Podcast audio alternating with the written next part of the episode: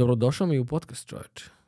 Da krenemo. O, ovaj razgovor traje već kako, već skoro dva sata. Ovaj, sada smo krenuli sa, sa podcastom i sa materijalom i sadržajem. Ovaj, dobrodošli svi vi koji ste se uključili u ovaj deo našeg razgovora. Lepo te je videti, uvek uh, imamo neke široke teme, uvek odemo iz crtanih filmova u neke, neke ljudske propasti. I ovaj i zavrzlame, ali o nekim stvarima je važno pričati, znaš. I sad baš smo pričali o toj uh, kompetentnosti, da li neko treba da priča o određenim stvarima. Ti definitivno ovo što ćeš danas pričati treba da pričaš što više i zato mi je drago da, ovaj, da si uh, tako brzo pristao kada sam ti poslao poruku. E, ta, ta, ta tvoja objava na, na Instagramu šest, uh, šest načina da Pa za, da kažemo za bolje mentalno zdravlje. za bolje, za bolje mentalno zdravlje. Baš mi je bilo kao, ovo, ovo treba se proširi, ovo treba više da se priča i da se ponudi kao ideja. Mhm. Znaš, tako i vidim ove naše podcaste. Ovaj, ja mnogo volim da pričam sa tobom, ali mnogo volim da snimam podcaste sa tobom, zato što imam ideju kao da, znaš, stavljaš nešto u vazduh, puštaš neku ideju, ko, drugi ljudi će imati korist od toga. I za mene je to kao model, ja ovo živim od ovoga. I ostaje. Razumeš, da, fantastično je. Tako da, a, ajde da krenemo, kako si prvo, to mi kaži. Dobro. Si spreman? Uvek svi kažu kako ste dobro, a onda kad krenu da pričaju, to, to makar na psihoterapiji, onda krenu da pričaju i onda ide sve gore i gore. U stvari vidiš da nije čovjek dobro. Ovaj, e, iskreno nije, nije baš ovaj, ovaj period godine, ti, ti, ti si, ti si ovaj, kako se tamo u toplijim krajevima, pa zato sam ti pitao da li vi uopšte imate taj sezonski afektivni poremećaj. Imam kad dođemo ovde. kad dođeš ovde, da. Ovaj, e, kod nas je to sa ovom kontinentalnom klimom nekako ovaj, izraženo. Ja to nisam otprilike osjećao do nekih 30 godina. E sad, poslednjih nekoliko godina počinjem da osjećam ta- taj, taj, taj negde, ovaj, osjećaj iznutra u stvari ovaj, šta to u stvari znači, e, koliko vreme može da utiče, koliko, koliko u stvari ovaj, manjak sunca pre svega, jel tako, i D vitamina može da, da da efekte na tako nešto. E sad, zavisi opet i gde boraviš. Nije isto u Beogradu, nije isto u unutrašnjosti Srbije, nije isto u Vojvodini. Vojvodina, na primjer, ima je to jako zanimljivo, ima specifične te, te, te slučajeve ovaj, depresija i čak opisana i tokom uh, drugog svjetskog rata i pre drugog svjetskog rata kad su Nemci boravili, boravili tu, oni su, ovaj, neki njihovi psihijatri su ovaj, baš onako neke čak i termine po, po re- regionima a, tadašnje Vojvodine davali ovaj, neke nazive, tako da ovaj, ovaj, ovaj, ovaj, to je jedna ozbiljna priča koju ja nisam shvatao ozbiljno, nisam počeo da radim psihoterapiju, kad su počeli da mi se javljaju ljudi i kažu, e, znaš što, u ovom periodu godine meni stalno ovako ja sam meni u glavi kao, ono je neki placebo. Ovo, ovo nije. I onda vidiš da toga puno ima, puno ima, a onda počneš i ti da doživljavaš tako nešto i, ovaj, i čekaš tako proleće. Ovaj, ima, ima ona čuvena pesma od Crvene jabuke, ne znam da li si, ovaj, to je stara pesma, ovaj, Kemal Monteno i, i Crvena jabuka je nekako s proljeće. Aha. I ja, ja nikad nisam, pošto je to lepa melodija pesme, ovaj, nikad nisam toliko udubljivao u tekst. Ovaj, a tekst govori upravo o, to, o tom prelasku između, između zime ka proleću, gde se dešava izuzetno karakteristično ta, ta ovaj, neka vrsta depresivna epizoda, aj tako da je nazovemo od nekoliko nedelja, koja uglavnom kod ljudi traje, a izuzetno je opisana kroz tekst. Eto, tako, tako da sad ne, nećemo da, da, da je recitujemo ovde, nego ne, neka ljudi poslušaju ponovo. Ukucajte tekst, da, ali znaš šta je zanimljivo? Zanimljivo je da a, mentalno zdravlje a, se, kao kad se razboliš, ti uzmeš neki lek ili znaš, utopliš se, ne, nešto uradiš. Znaš. Što se tiče mentalnog zdravlja, nisam siguran koliko a, ljudi koji imaju anksioznost, depresiju, mi smo već pričali o tome nekoliko puta, Mhm, a, nisam siguran koliko imaju utisak da nešto mogu da urade. mhm. Mislim da je kod nas barem a, tolerancija mnogo veća na, na anksioznost u smislu prihvatam ovo sam ja sada, ne mogu ništa da uradim sa tim, idem dalje. Znaš, tako ću da živim sada. I znaš, sad si neko, neko kaže ovako mi svaki, svaki period. Svaki- Jest. Ne znam koliko je napravio, da, koliko, koliko se u stvari pravi a, povezanost sa tim neki eksterni faktor utiče na to. Nisam, sam, nisam ovo ja. Mhm, mhm. Znaš? Pa to je, mislim, pa, i, i kad, kad se lekovi istražuju i, i u psihijatriji, kad se, kad se neke stvari posmatraju, uvek se gleda taj uticaj placebo efekta koji, je, koji negde postoji, jel tako?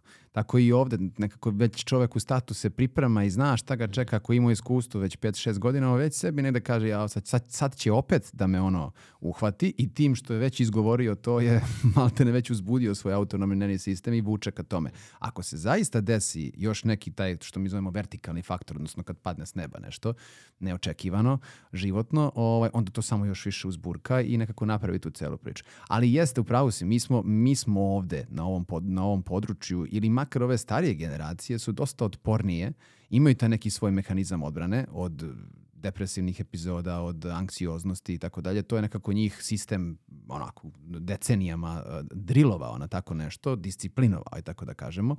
I tom disciplinom su oni to negde, da kažemo, potisli, ovaj, što opet nije dobro s jedne strane, jer nekada negde samo eskalira. I to što je potisnuto samo eksplodira. I onda bude baš onako dramatično i burno i odrazi se na, mislim, može se odrazi svakojako.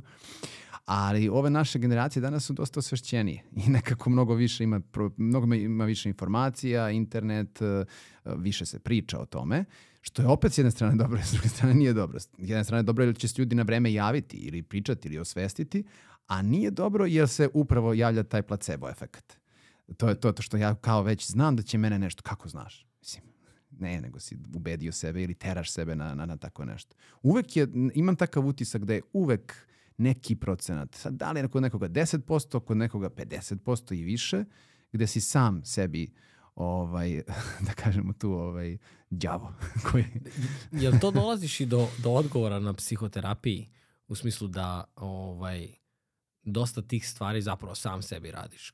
Koliko je oslobađajuće kada, se, kada shvatiš da si ti, ej, mm. ovo ja promenim svojom perspektivom, svojom To je večita priča bila, pazi, to, ovo, ovo, ovo ti je odlično pitanje, jer u stvari sad si postavio pitanje zašto, je, zašto su se neki ljudi odvojili od Freuda ovaj, i počeli neku drugu priču da prave u nekom trenutku i to još u njegovo doba, na primer ovaj Alfred Adler je, je nikada nije poricao Freuda, nikada nije njegov ništa loše rekao, da kažemo, protiv njegovog uh, ovaj, učenja i tako dalje. Čak je traumu koju je Freud pripisivao sve traumi, sad pokušavam plastično da objasnim da ne ulazim u dubiozu svega toga, ali nekako ako posmatramo Freuda, trauma pravi ovo što je danas i to si danas ti. Uprošćeno rečeno, tačka. A Adler je voleo da kaže da trauma, da, postoji, ona se desila nekad i sigurno ima uticaja na ovo što je danas, ali danas ipak ti odlučuješ. E tu je bila razlika i mislim da je, zato, da, da je tu Adler uve, une u stvari, e, odatle kreće psihoterapija. Jer u stvari psihoterapija je nešto što se radi ovde i sada.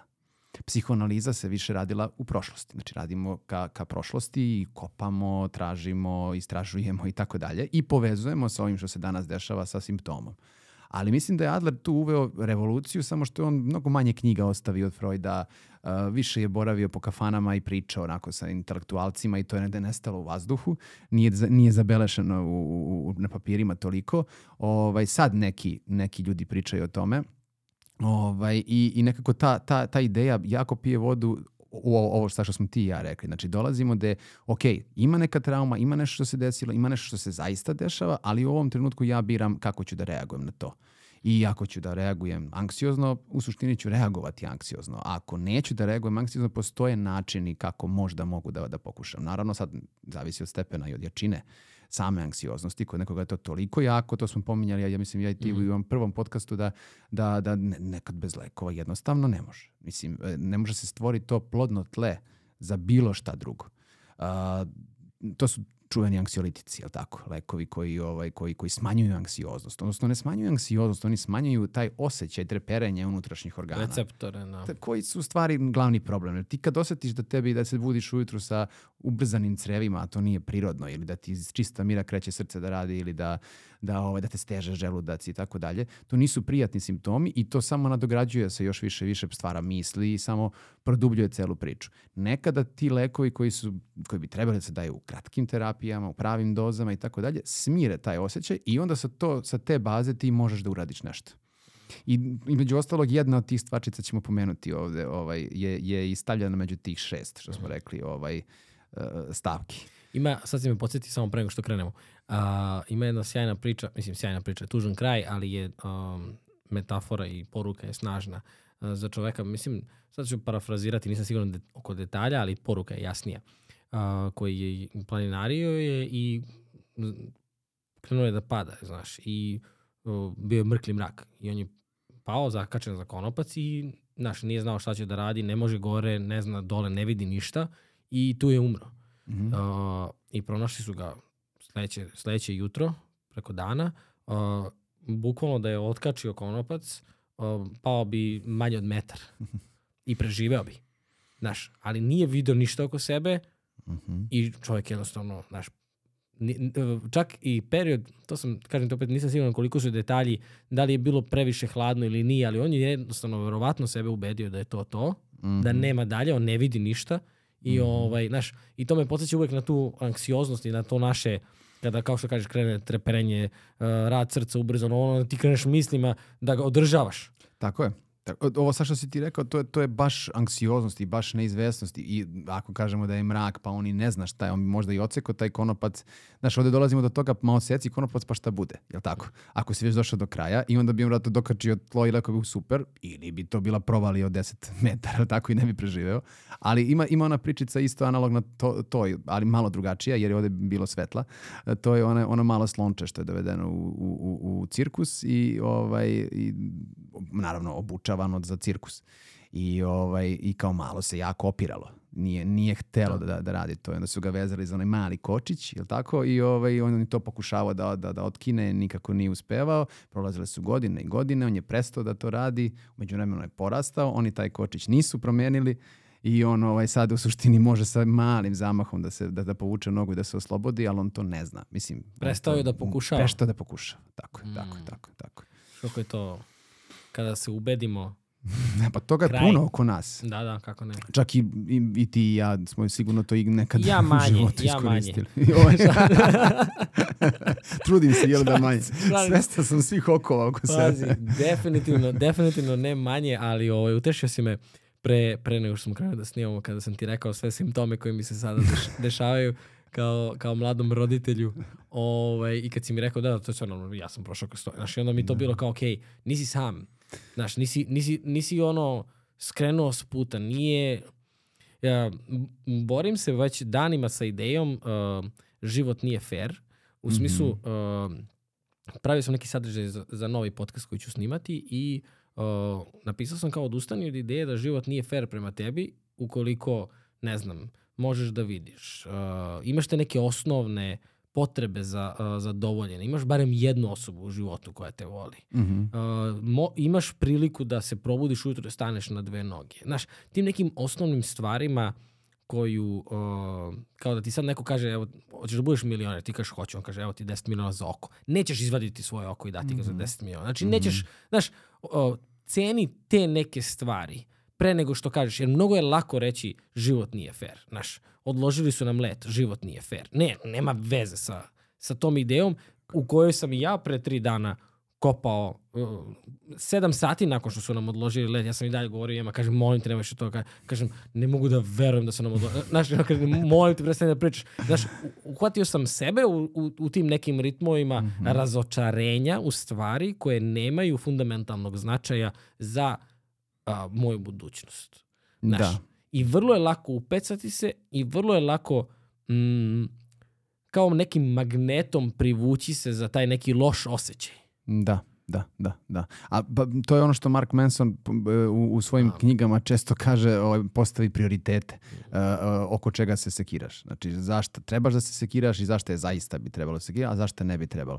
Ali jako je teško, to je makar moje iskustvo nekako, jer raznorazne slučajeve sam imao na psihoterapiji i raznorazni su to, da kažemo, neki stepeni uh, ovaj, um, uh, razočarenja ili upravo ovo što si ti opisao, znači nezadovoljstvo nekim životom ili, ili, ili u nekom trenutku sam nek, neka nepravda ili bilo šta. I sad nekako ono, ono što je mene makar vreme naučilo je da je svačija, uh, svačije osjećanje je bitno. Uh, uh, i, i, I u suštini ne možemo da ga merimo, jer još uvek nema, nema ni, niti postoji takav uređaj koji može da izmeri ovaj, uh, na primjer, eto, upravo ti si zaglavio 7 sati na letu. Nego bi, neko bi sedeo i gledao jednu tačku. Neko bi našao zabavu i fantastično se proveo. Neko bi paničio, neko reaguje kao ti, neko reaguje ovako. Znači, to upravo govori. A, ali pazi ovo, pazi ovo. Ideja, moram da sad ti si psihoterapeut, moram me slušati. o, ovaj, ideja je bila, ja, uh, nije prvi put da sam se zaglavio. I prvi put kad sam se zaglavio bio sam sam, sad sam imao Emiku i Vuka sa mnom. Prvi put kad sam zaglavio bilo mi je, bo, ok, sve ok, nemam, nemam kontrolu nad tim. Uglavnom stvari nad kojima nemam kontrolu, ne, ne, ne hvatam se mnogo. Ali ovo je automatski vuklo toliko stvari, a ja znam da sutra ujutru snimam. I mene je u stvari mučila Mhm. ideja jer ja znam da moram da a, budem fokusiran, da budem odmoran, a znam da neću biti. I pričao sam ti ono što kao sinoć snimamo epizodu. Prva epizoda, četiri godine skoro snimamo, prva epizoda koja je kasnila. Prva epizoda Mhm. koju sam snimao i za koju sam teo sam da zaspim. Koliko sam Mhm. bio umoran. Razumeš? Mhm. I mene, ja sam se, to je ta anksioznost. Ja sam se mučio kako će to u budućnosti izgledati da sam propustio. Ja, sam, ja ceo let nisam bio tu. Zbog te gluposti.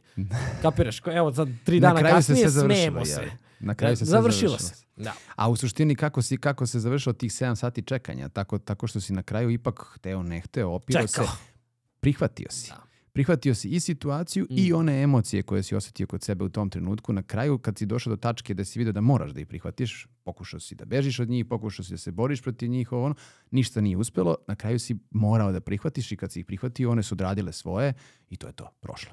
Tačka. E, to je, to je proces izlečenja, e, makar ovog akutnog. Kod hroničnog malo teže ide. Jer, e, znaš kako, da, da, da, da, to, da je to lako rešivo, e, to bi moglo da se reši da ja tebi priđem i kažem čekaj Ivane, stani, pa tamo negdje u nekoj Africi ima dete trenutno koje umire tamo u nekoj državi, jel tako, jer je suša, jer nema vode da pije, jer je neuhranjeno i ne znam. I ti sad kažeš, pa jest, pravo si Marko, da. Super, jest. Mnogo mi je bolje sada. Pazi, kad bi to funkcionisalo, ono naše narodna izreka e, e, ovaj, ima gore. Da, da. Mislim, naš narod kaže, ne, ima, ima gore od toga. Ne, ovo moje je trenutno meni jako. I ja moram da se izborim s tim emocijama i moram da im dozvolim da odrade ono što rade. I ne, I ne radi i ne funkcioniše ta tehnika da ima negde gore i to će kao da me, sni, da me smiri. Pa Jer je svačija muka najteža. Pazi da ovo funkcioniše, pa... ne bi imao posla. pa ali- ili, bi, ili bi jednu seansu naplatio milion dolara i rešio ljudima problem kroz jednu rečenicu, ili tako? Za mene je to ima gore, to znači ovo tvoje nije dovoljno bitno. E, da. Ali, znaš, kao čekaj, kao, to, je, to je prvi korak ka nerazumevanju. Tako je. I, i ka ne, nesaosećanju sa Da. čovekovim problemom, Mm. kakav god da je on. Znači, dolazili su ljudi koji imaju karcinom i prolaze kroz teške ovaj, psihičke stvari vezano za to, a dolazili su ljudi, ne znam, ono, posvađa se sa drugom. Ili posvađa se sa ovim, posvađa se s majkom. Neuporedive dve stvari. Mislim, ovo će se tako rešiti, ovaj se bori sa život, ali ne možeš to da meriš. U tom trenutku za tu osobu to što on proživljava je jako teško i nekako moraju da se uvaže sv- sve emocije ovaj, za svakog živog čoveka. Pa zato su tu, ali i taj, e, samo ću da te vratim još jednom na ono malo pre kad si rekao, to mi se dopalo uh, u telu, kada se javljaju senzacije, kada ti šalje osjećaj nešto nije u redu, to su jako dobre poruke. Znaš, Mhm. o, o, taj nesklad koji se uh, manifestuje, koji se provlači kroz telo, uh, ako ga nekoliko puta ugušiš, ono, verujem da ide ka tim nekim ozbiljnim bolestima, ili ako ga sakriješ pod tepih sa lekovima sa, ne, na svoju ruku, Tako na svoju ruku pričam, ovaj, uh, to onda vodi u neke druge probleme dublje, znaš, ali ti uh, impulsi tela koje, koje dobijamo poruke su, s- ako naučimo da ih slušamo, su sjajni, su pomoć. Znaš, ne, između tog, zašto ti, zašto ti ovo kažem sada, uh, zbog te anksioznosti i tog stresa koji sam osjećao u poslednje vreme, ovaj, gde sam sebe provlačio, čekaj bre čoveče, kao, nikad se nisam žalio, sedim s ljudima i pričam koliko mi je teško, stani, stani, stani, stani. stani. Znaš, pa onda uvatim, kažem, kažem Emi, znaš, imam utisak kad udahnem vazduh, kao da, kad ne mogu da udahnem dovoljno vazduha. Mhm. Čekaj, čekaj, stani, šta, šta mene muči? Znaš, rekao si jednu sjajnu tu stvar, ovaj, to, je- to je poslednja, za zahvalnost i anksioznost. Pa jeste, sad, sad gledam baš ovo što pričaš nekako da se, da se možda nadovežemo. Odmah kreni, da. jer, jer imaju dve stvari u stvari ovde koje se bave anksioznošću od ovih šest koje smo ovde pomenuli. Neke se tiču komunikacije, neke se tiču tako tih nekih ono naših evolucijskih problema između ta dva dela našeg mozga koje ne možemo da sinhronizujemo nikako, odnosno ne, ne da ne možemo, nego jednostavno to tako nije trenutno u tom, u tom stadijumu.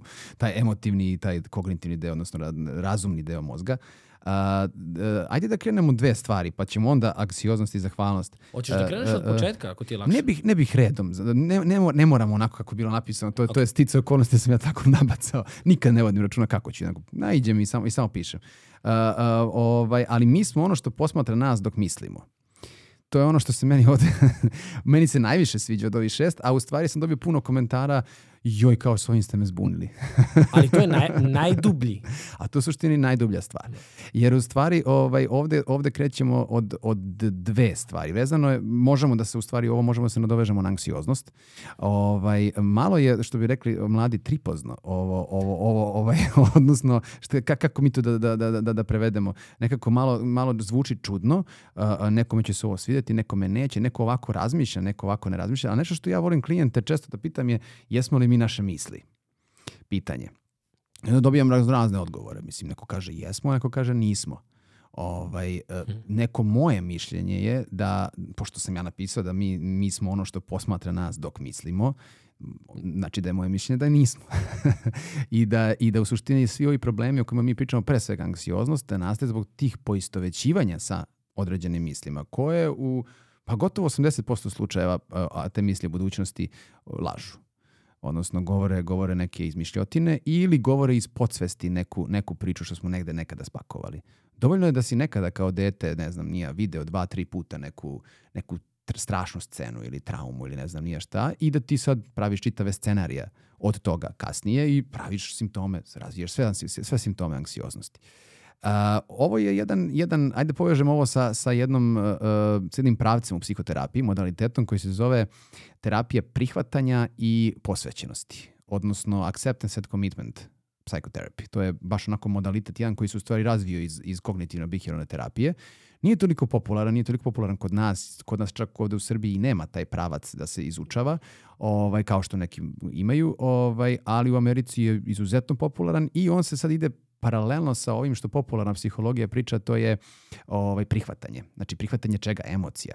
E sad, e, čini mi se da ta reč acceptance u engleskom e, drugačije zvuči od našeg prihvatanja. Kod nas je prihvatanje često shvaćeno kao uh, pomirenje sa sudbinom. Ne može ništa. ništa da. ne može se promeni. A u stvari ovo acceptance ima totalno, totalno neko drugo značenje. U stvari to je prihvatanje da to postoji. E sad šta je to što postoji? Ta emocija u stvari ta emocija postoji u tebi koja izaziva to što izaziva. I sad, ako uzmemo anksioznost kao primer, e, čovjek koji je u, u, u akutnom anksioznom napadu i sad steže ga u grudima, na primjer, aj uzmemo taj primjer, da nekoga steže u želucu, nekome rade brzo creva, nekoga boli glava, ali po, možda je ponajčešće da je to stezanje u grudima i nemogućnost da dođem do daha ili ne znam nije šta. Uh, u, u sad ja pokušavam da uprostim tu, tu ovaj, čitavu jednu, jednu psihoterapijsku uh, naukicu, ovaj, kroz, uh, ali, ali možemo kroz tri koraka, jer u stvari se, se, se sve svodi na ta tri koraka. Jedno je difuzija, drugo je ekspanzija, e, objasnit ćemo sve šta znači, i treće ćete vidjeti u stvari šta mi dobijamo kada odradimo difuziju i ekspanziju.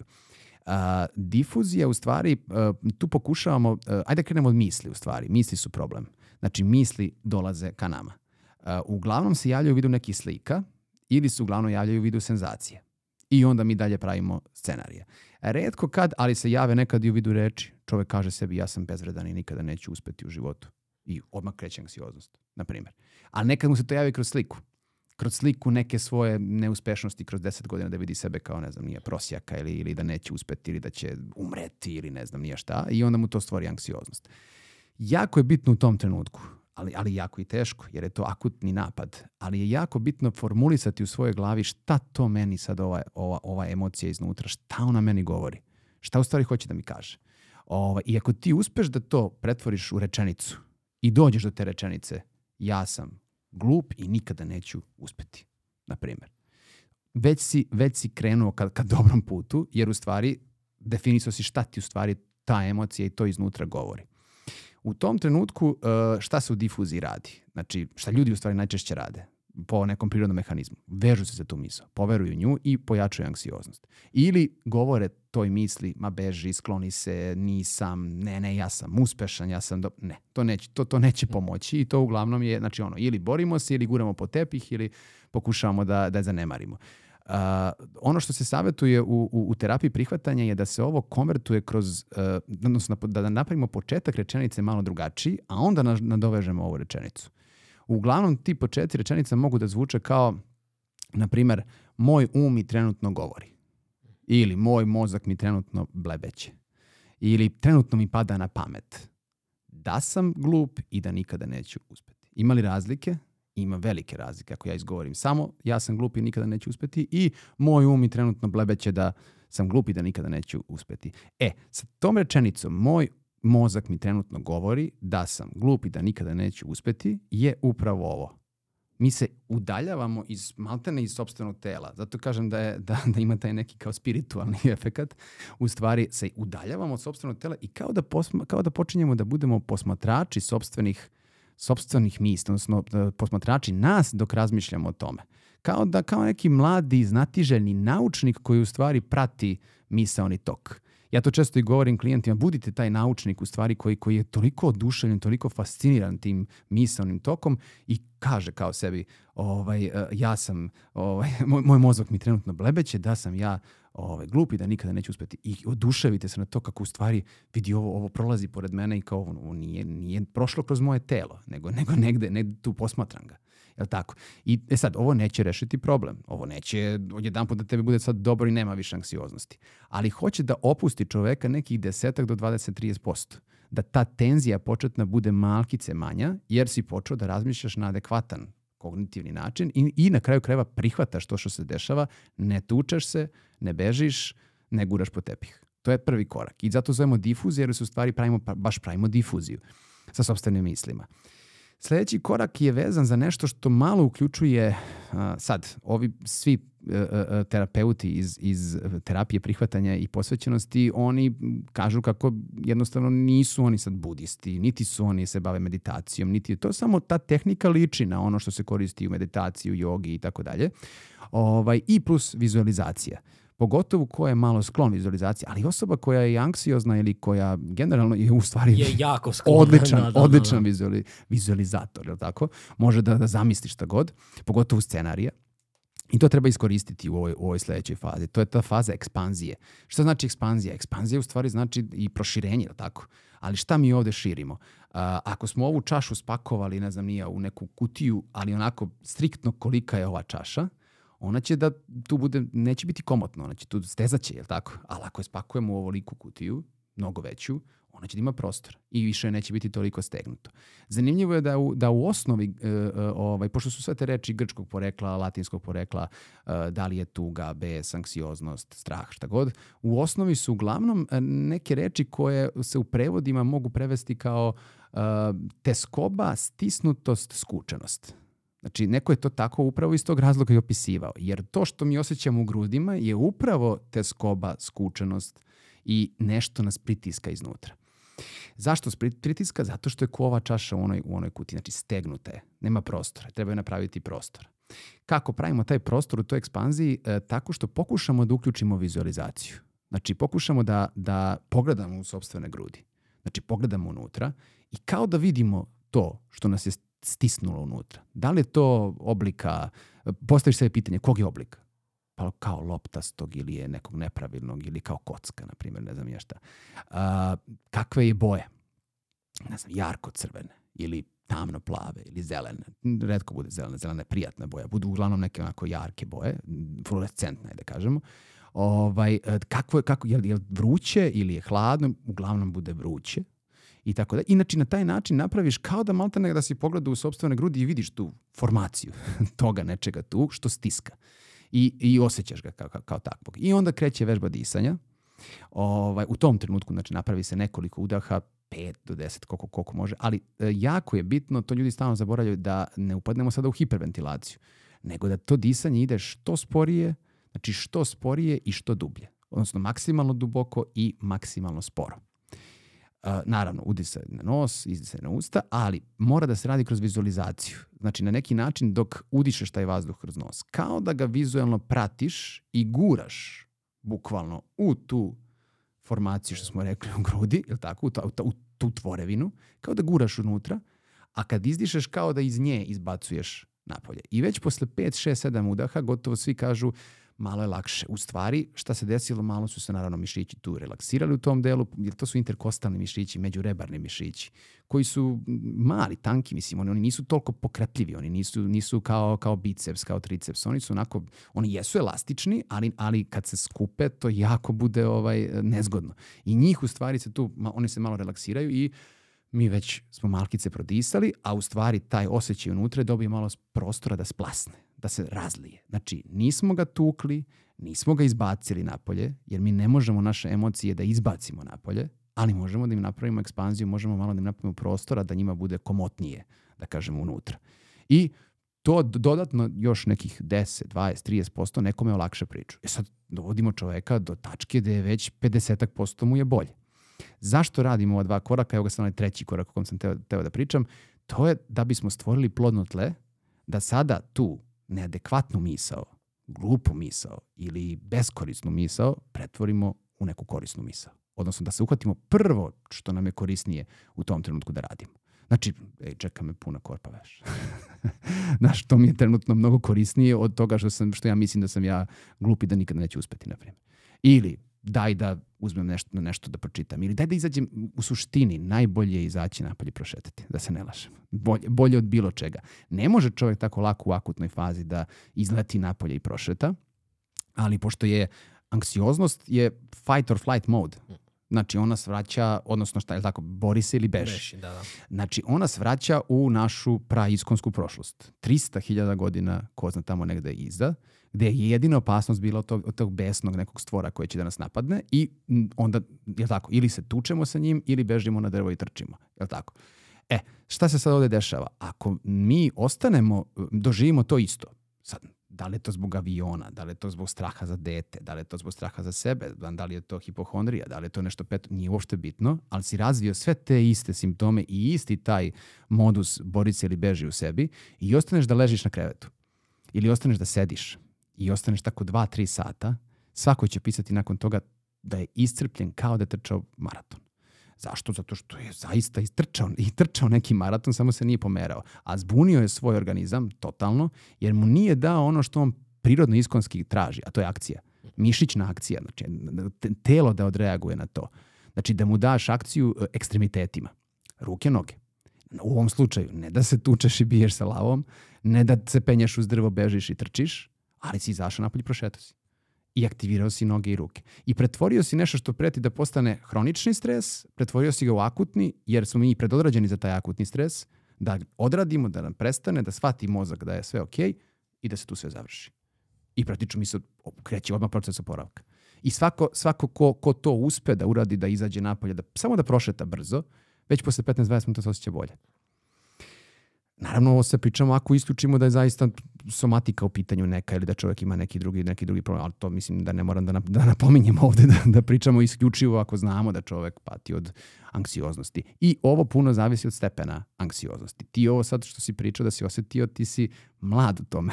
Odnosno, kažeš da si čak možda i prvi put ovako nešto osetio, ovaj, kod tebe ove tehnike će da rade, ali ima nekih oblika anksioznosti koji su izuzetno jaki, teški, neprorađeni, neosvešćeni, traju godinama, nekada decenijama i sad ne možeš ovako sa ovom tehnikom njima da, da, da, da tek tako ovaj, olakšaš priču. Može, treba da vežbaju, treba ovo da rade, ali nekada mora da se napravi to plodno tle da bi uopšte mogli da sprovedu ovako nešto u delu. Eto, to, to znači ovo da posmatramo sebe sa strane, ovaj, zvuči onako pri, pri, primamljivo, malo, malo kažem i spiritualistički, ali u suštini je, ovaj, u suštini je jako tačno. A, ti ovaj prvi deo koji si rekao, to me odmah posjetilo, odmah sam upisao za uh, Sad Guru, čuo si? Da. Ovaj, on ima onu njegovu meditaciju nisam moje telo, nisam moj um. Yes, da. I, ovaj, i to, to izvlačenje i ovaj, znam da mm, kad, kad sam se mm, kad god se vežem za nešto za neku ideju koja ni, ne, ja nemam toliko često to je jako zanimljivo ja, ja sam, uh, meni to uvek zvuči jako strano uh, ta samokritika uh, u obliku uh, ti si glup uh, ti nećeš uspeti u tim nekim porukama ne, nemam uh, nemam dodira sa tim. To ne, nije nešto što je meni prirodno i poznato. Uh, ono gde sam ja primetio da se javlja uh, anksioznost je, jeste, znači, umesto kritikovanja, preispitivanje, koje je sličan oblik, Slično. da, Tako. ali preispitivanje da li ću ja moći da odgovorim na sve izazove sa kojima se suočavam. I onda, kao što si sad ti sad rekao, kao imaš utisak da si umoran, preznojavanje je Mhm. jedan od, znaš kao, a ništa nisi uradio. Ali ima jedna zanimljiva stvar a, za tu akciju koju si sad ispričao. A, srna, kad je napadne a, leopard, tigar, lav, nebitno, i kada beži i uspe da pobegne, uh, prvo što uradi kada je sigurna, Mhm. strese se. Kao kada sprođe jeza, izbaci Yes. strah, izbaci sebe Mhm. sa pokretom. Tako je.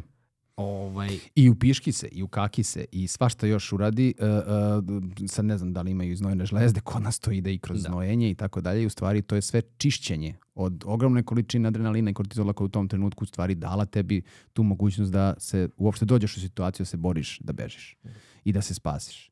Znači mora da se očisti. I, i to se, i naravno, to, je- to, je, to je prirodna detoksikacija koja se jako brzo desi i gotovo nastavlja se živo dalje. Naravno, mozak pamti negativnu situaciju, tu odmah je u baždari negde i toliko je intenzivno ovaj, tu negde, negde uspostavi da jednostavno a, svaki, sledeći, svaki sledeća stvar koja i malko zaliči na tako nešto odmah pobudi. I zato se nama dešava da nekad zasu, zašušti nešto pored tebe i ti se trgneš, jel tako?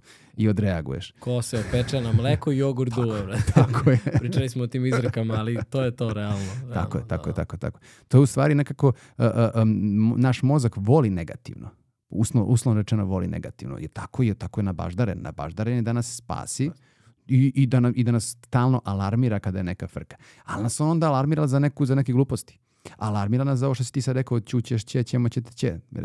Kad si izgovorio rečenicu da se preispituješ, rekao si šta će biti. Znači, već si otišao u budućnost. Kad Da, otišao u da. budućnost, to je maltene odmah razvijaš anksioznost, odmah razvijaš tu celu priču koju, koju ali nema ni lava, nema nikoga, niko te ne, ali kreću simptomi. I tu je, i tu je najveći problem. I onda nek šušne nešto iza tebe, ti ćeš da se trgneš u tom trenutku, jer si u stvari u, u, nekom, u nekom modusu hiper, gde, gde mozak... E sad, šta je tu, šta je tu zanimljivo? E, potrebno je vreme, e, potrebno svestiti to, naravno, i sada e, mozgu koji je doživao jednom, da kažemo, traumu i negde je spakovao, davati mu drugačijost, da kažemo, odnosno da, davati mu drugačije efekte da on vremenom shvati da to nije opasnost. Znači, potrebno je nekoliko puta, ko zna koliko puta u stvari je potrebno da se desi, da, da mu mi na neki način pokažemo i dokažemo da se neće ništa loše desiti. Nekad ljudi, na primjer, ne idu više na neka ista mesta koja su im izazvala neku ovaj, traumu ili ne znam, nešto loše se tu desilo i tako dalje. A upravo je potrebno, to je to, je to suočavanje, je tako? Potrebno je, sad plašiš se na primjer aviona, je tako? Da si imao neku, neku turbulenciju ili nešto i to tebi izazvalo strah i više ne letiš. E sad, na primjer. Uzmemo to kao primjer. Šalim se, rekli se. Uzmemo to kao primjer. I sad ovaj, kako se zove, ako ti ne ideš u taj avion, više nikada nećeš razbiti taj, taj, taj, tu putanju u mozgu koju je on stvorio kao, kao strah. Ali ako ideš češće, i ako je sad mozak posle 100 novih letova koji su bili skroz ok, shvati, pa čekaj, evo, ponovo smo u istoj situaciji, ali sve je u redu, on, on i snižava taj stepen alarmiranja. Sad nekad ga ne stiša nikad na nulu. To je ono što ljudi očekuju. Kad dođu na terapiju i tako dalje, kaže da li ovo možda nestane? Ne možda nestane. Ne mora se živi s tim. Samo je pitanje kad ćeš ga odsvestiti. Ali je poenta da on više ne bude, ako je bio na, na 100%, da kažemo, alarmiranosti, ne, ako je već na 50%, tvoj kvalitet života je bolji. Ako, je, ako, je, sma- ako si ga smanjio na samo 20%, ti mnogo lakše ulaziš u avion, letiš. Nije ti baš totalno prijatno, ali tu si, ok, si, znaš, ideš, putuješ, ne bežiš od suočavanja sa, sa nekom situacijom. Tu, tu ovaj nekako ovaj, e, potrebno je vreme. Potrebno je vreme. I kažu naučnici, ima to neko istraživanje, kaže da, da ne znam, ja, na jednu, na jednu negativnu stvar koja se desi je potrebno 9, 10, ne znam, pozitivnih stvari da se dese istog momenta da bi anulirali ovu negativnu. Mi pozitivno a, jednostavno diskvalifikujemo. A, a, a, zašto? Zato što smo, zato što na dnevnom nivou mi, mi, mi nekako ne, ne, ne gratifikujemo sebe, ne, ne, dajemo, ne dajemo sebi nagrade za neke mizerne male stvari koje uradimo. Jer nas tu podrazumevaju. Da Kao, to, to moram da radim. Znaš, kao, ja sam danas odgovorio na 15 mailova, da, ali to je moj posao. Ne, Da. odgovorio sam na 15 mailova, idi pojedi sladoled, časti se. Daj svom mozgu putanju da si zbog tih 15 mailova uradio nešto dobro, da je to jako dobro i asociraj mozak sa sladoledom, na primjer. I, I time će on da, da počinje da, da, da pravi tu neku novu putanju zahvalnosti ili, ili sreće ili šta god da je, umesto da to postane zdravo za gotovo. I sad pogledaj koliko takvih stvari mi uradimo na dnevnom nivou koje su zdravo za gotovo, a koje u stvari mogu da se pretvore u pozitivno i da naprave te moždane puteve mnogo pozitivnije. Ne, mi to ne radimo, a zato ove negativne same po sebi, da kažem, onako prirodno, iskonski, evolucijski se talože i pakuju u našem mozgu i ne, ne mogu da se obrišu. Da, ali rekao si uh, da mozak voli negativno, odnosno da je više fokusiraniji na pretnju jer je njegov cilj je da te održi u životu. Spasi, da. Ima, ima jedna fantastična, ja mislim da sam već rekao u jednom podcastu, fantastična rečenica da kaže e, da vas pitaju, to je neki filozof, ja mislim, ili pesnik, ali, ili pesnik i filozof, nebitno. Ne znam ko je čovjek. A, da te pitaju kao da umreš i da te pitaju da se vratiš u život, da živiš kao mali prljavi miš u rupi uz koje nikad nećeš izaći i da kažeš ne, mislio bi da. Zato što ti toliko stalo do života. Znaš, I ova, ta pretnja ovaj, na koju smo fokusirani više nego na, na to dobro i koje prihvatamo zdravo za gotovo, znaš, i ne obraćamo pažnju, je u stvari taj preživljavanje koje, Tako je. koje je primarno. A, ideja o mentalnom zdravlju iz, iz tog ugla uh, deluje kao da smo konstantno u klopci onda. Pa, pa jesmo. Mislim, u mnogim filozofijama ćeš naći život je patnja. Budistička prva rečenica je život je patnja i tako dalje. Što u suštini jeste. Oni filozofi egzistencijalizma ili ne znam nije, oni, će, oni kreću, kreću od te premise. Znači da je život patnja i da je život težak i da to moramo da prihvatimo i ko to prihvati što bolje, evo nas opet znači u terapiji prihvatanja, šta tu prihvatamo? Znači ne mirimo se sa sudbinom, nego prihvatamo sve te neke emocije koje se dešavaju u nama prihvatamo sve emocije. Ne, ne tražimo samo pozitivnu emociju. A koja je pozitivna emocija? Jedina pozitivna emocija je sreća. Tako. Koja opet u nekoj preteranoj dozi može da bude euforija, ona nije dobra. Ali ne može da bude sreća 24 sata. Ne može da bude sreća 365 dana u godini. Znači mora da se prepliće i sa poremenim izlivima besa, odnosno ne izlivima, nego poremenim osjećanjima besa, poremenim osjećanjima uh, straha, tuge, anksioznosti, uh, stida ili šta god ko nosi.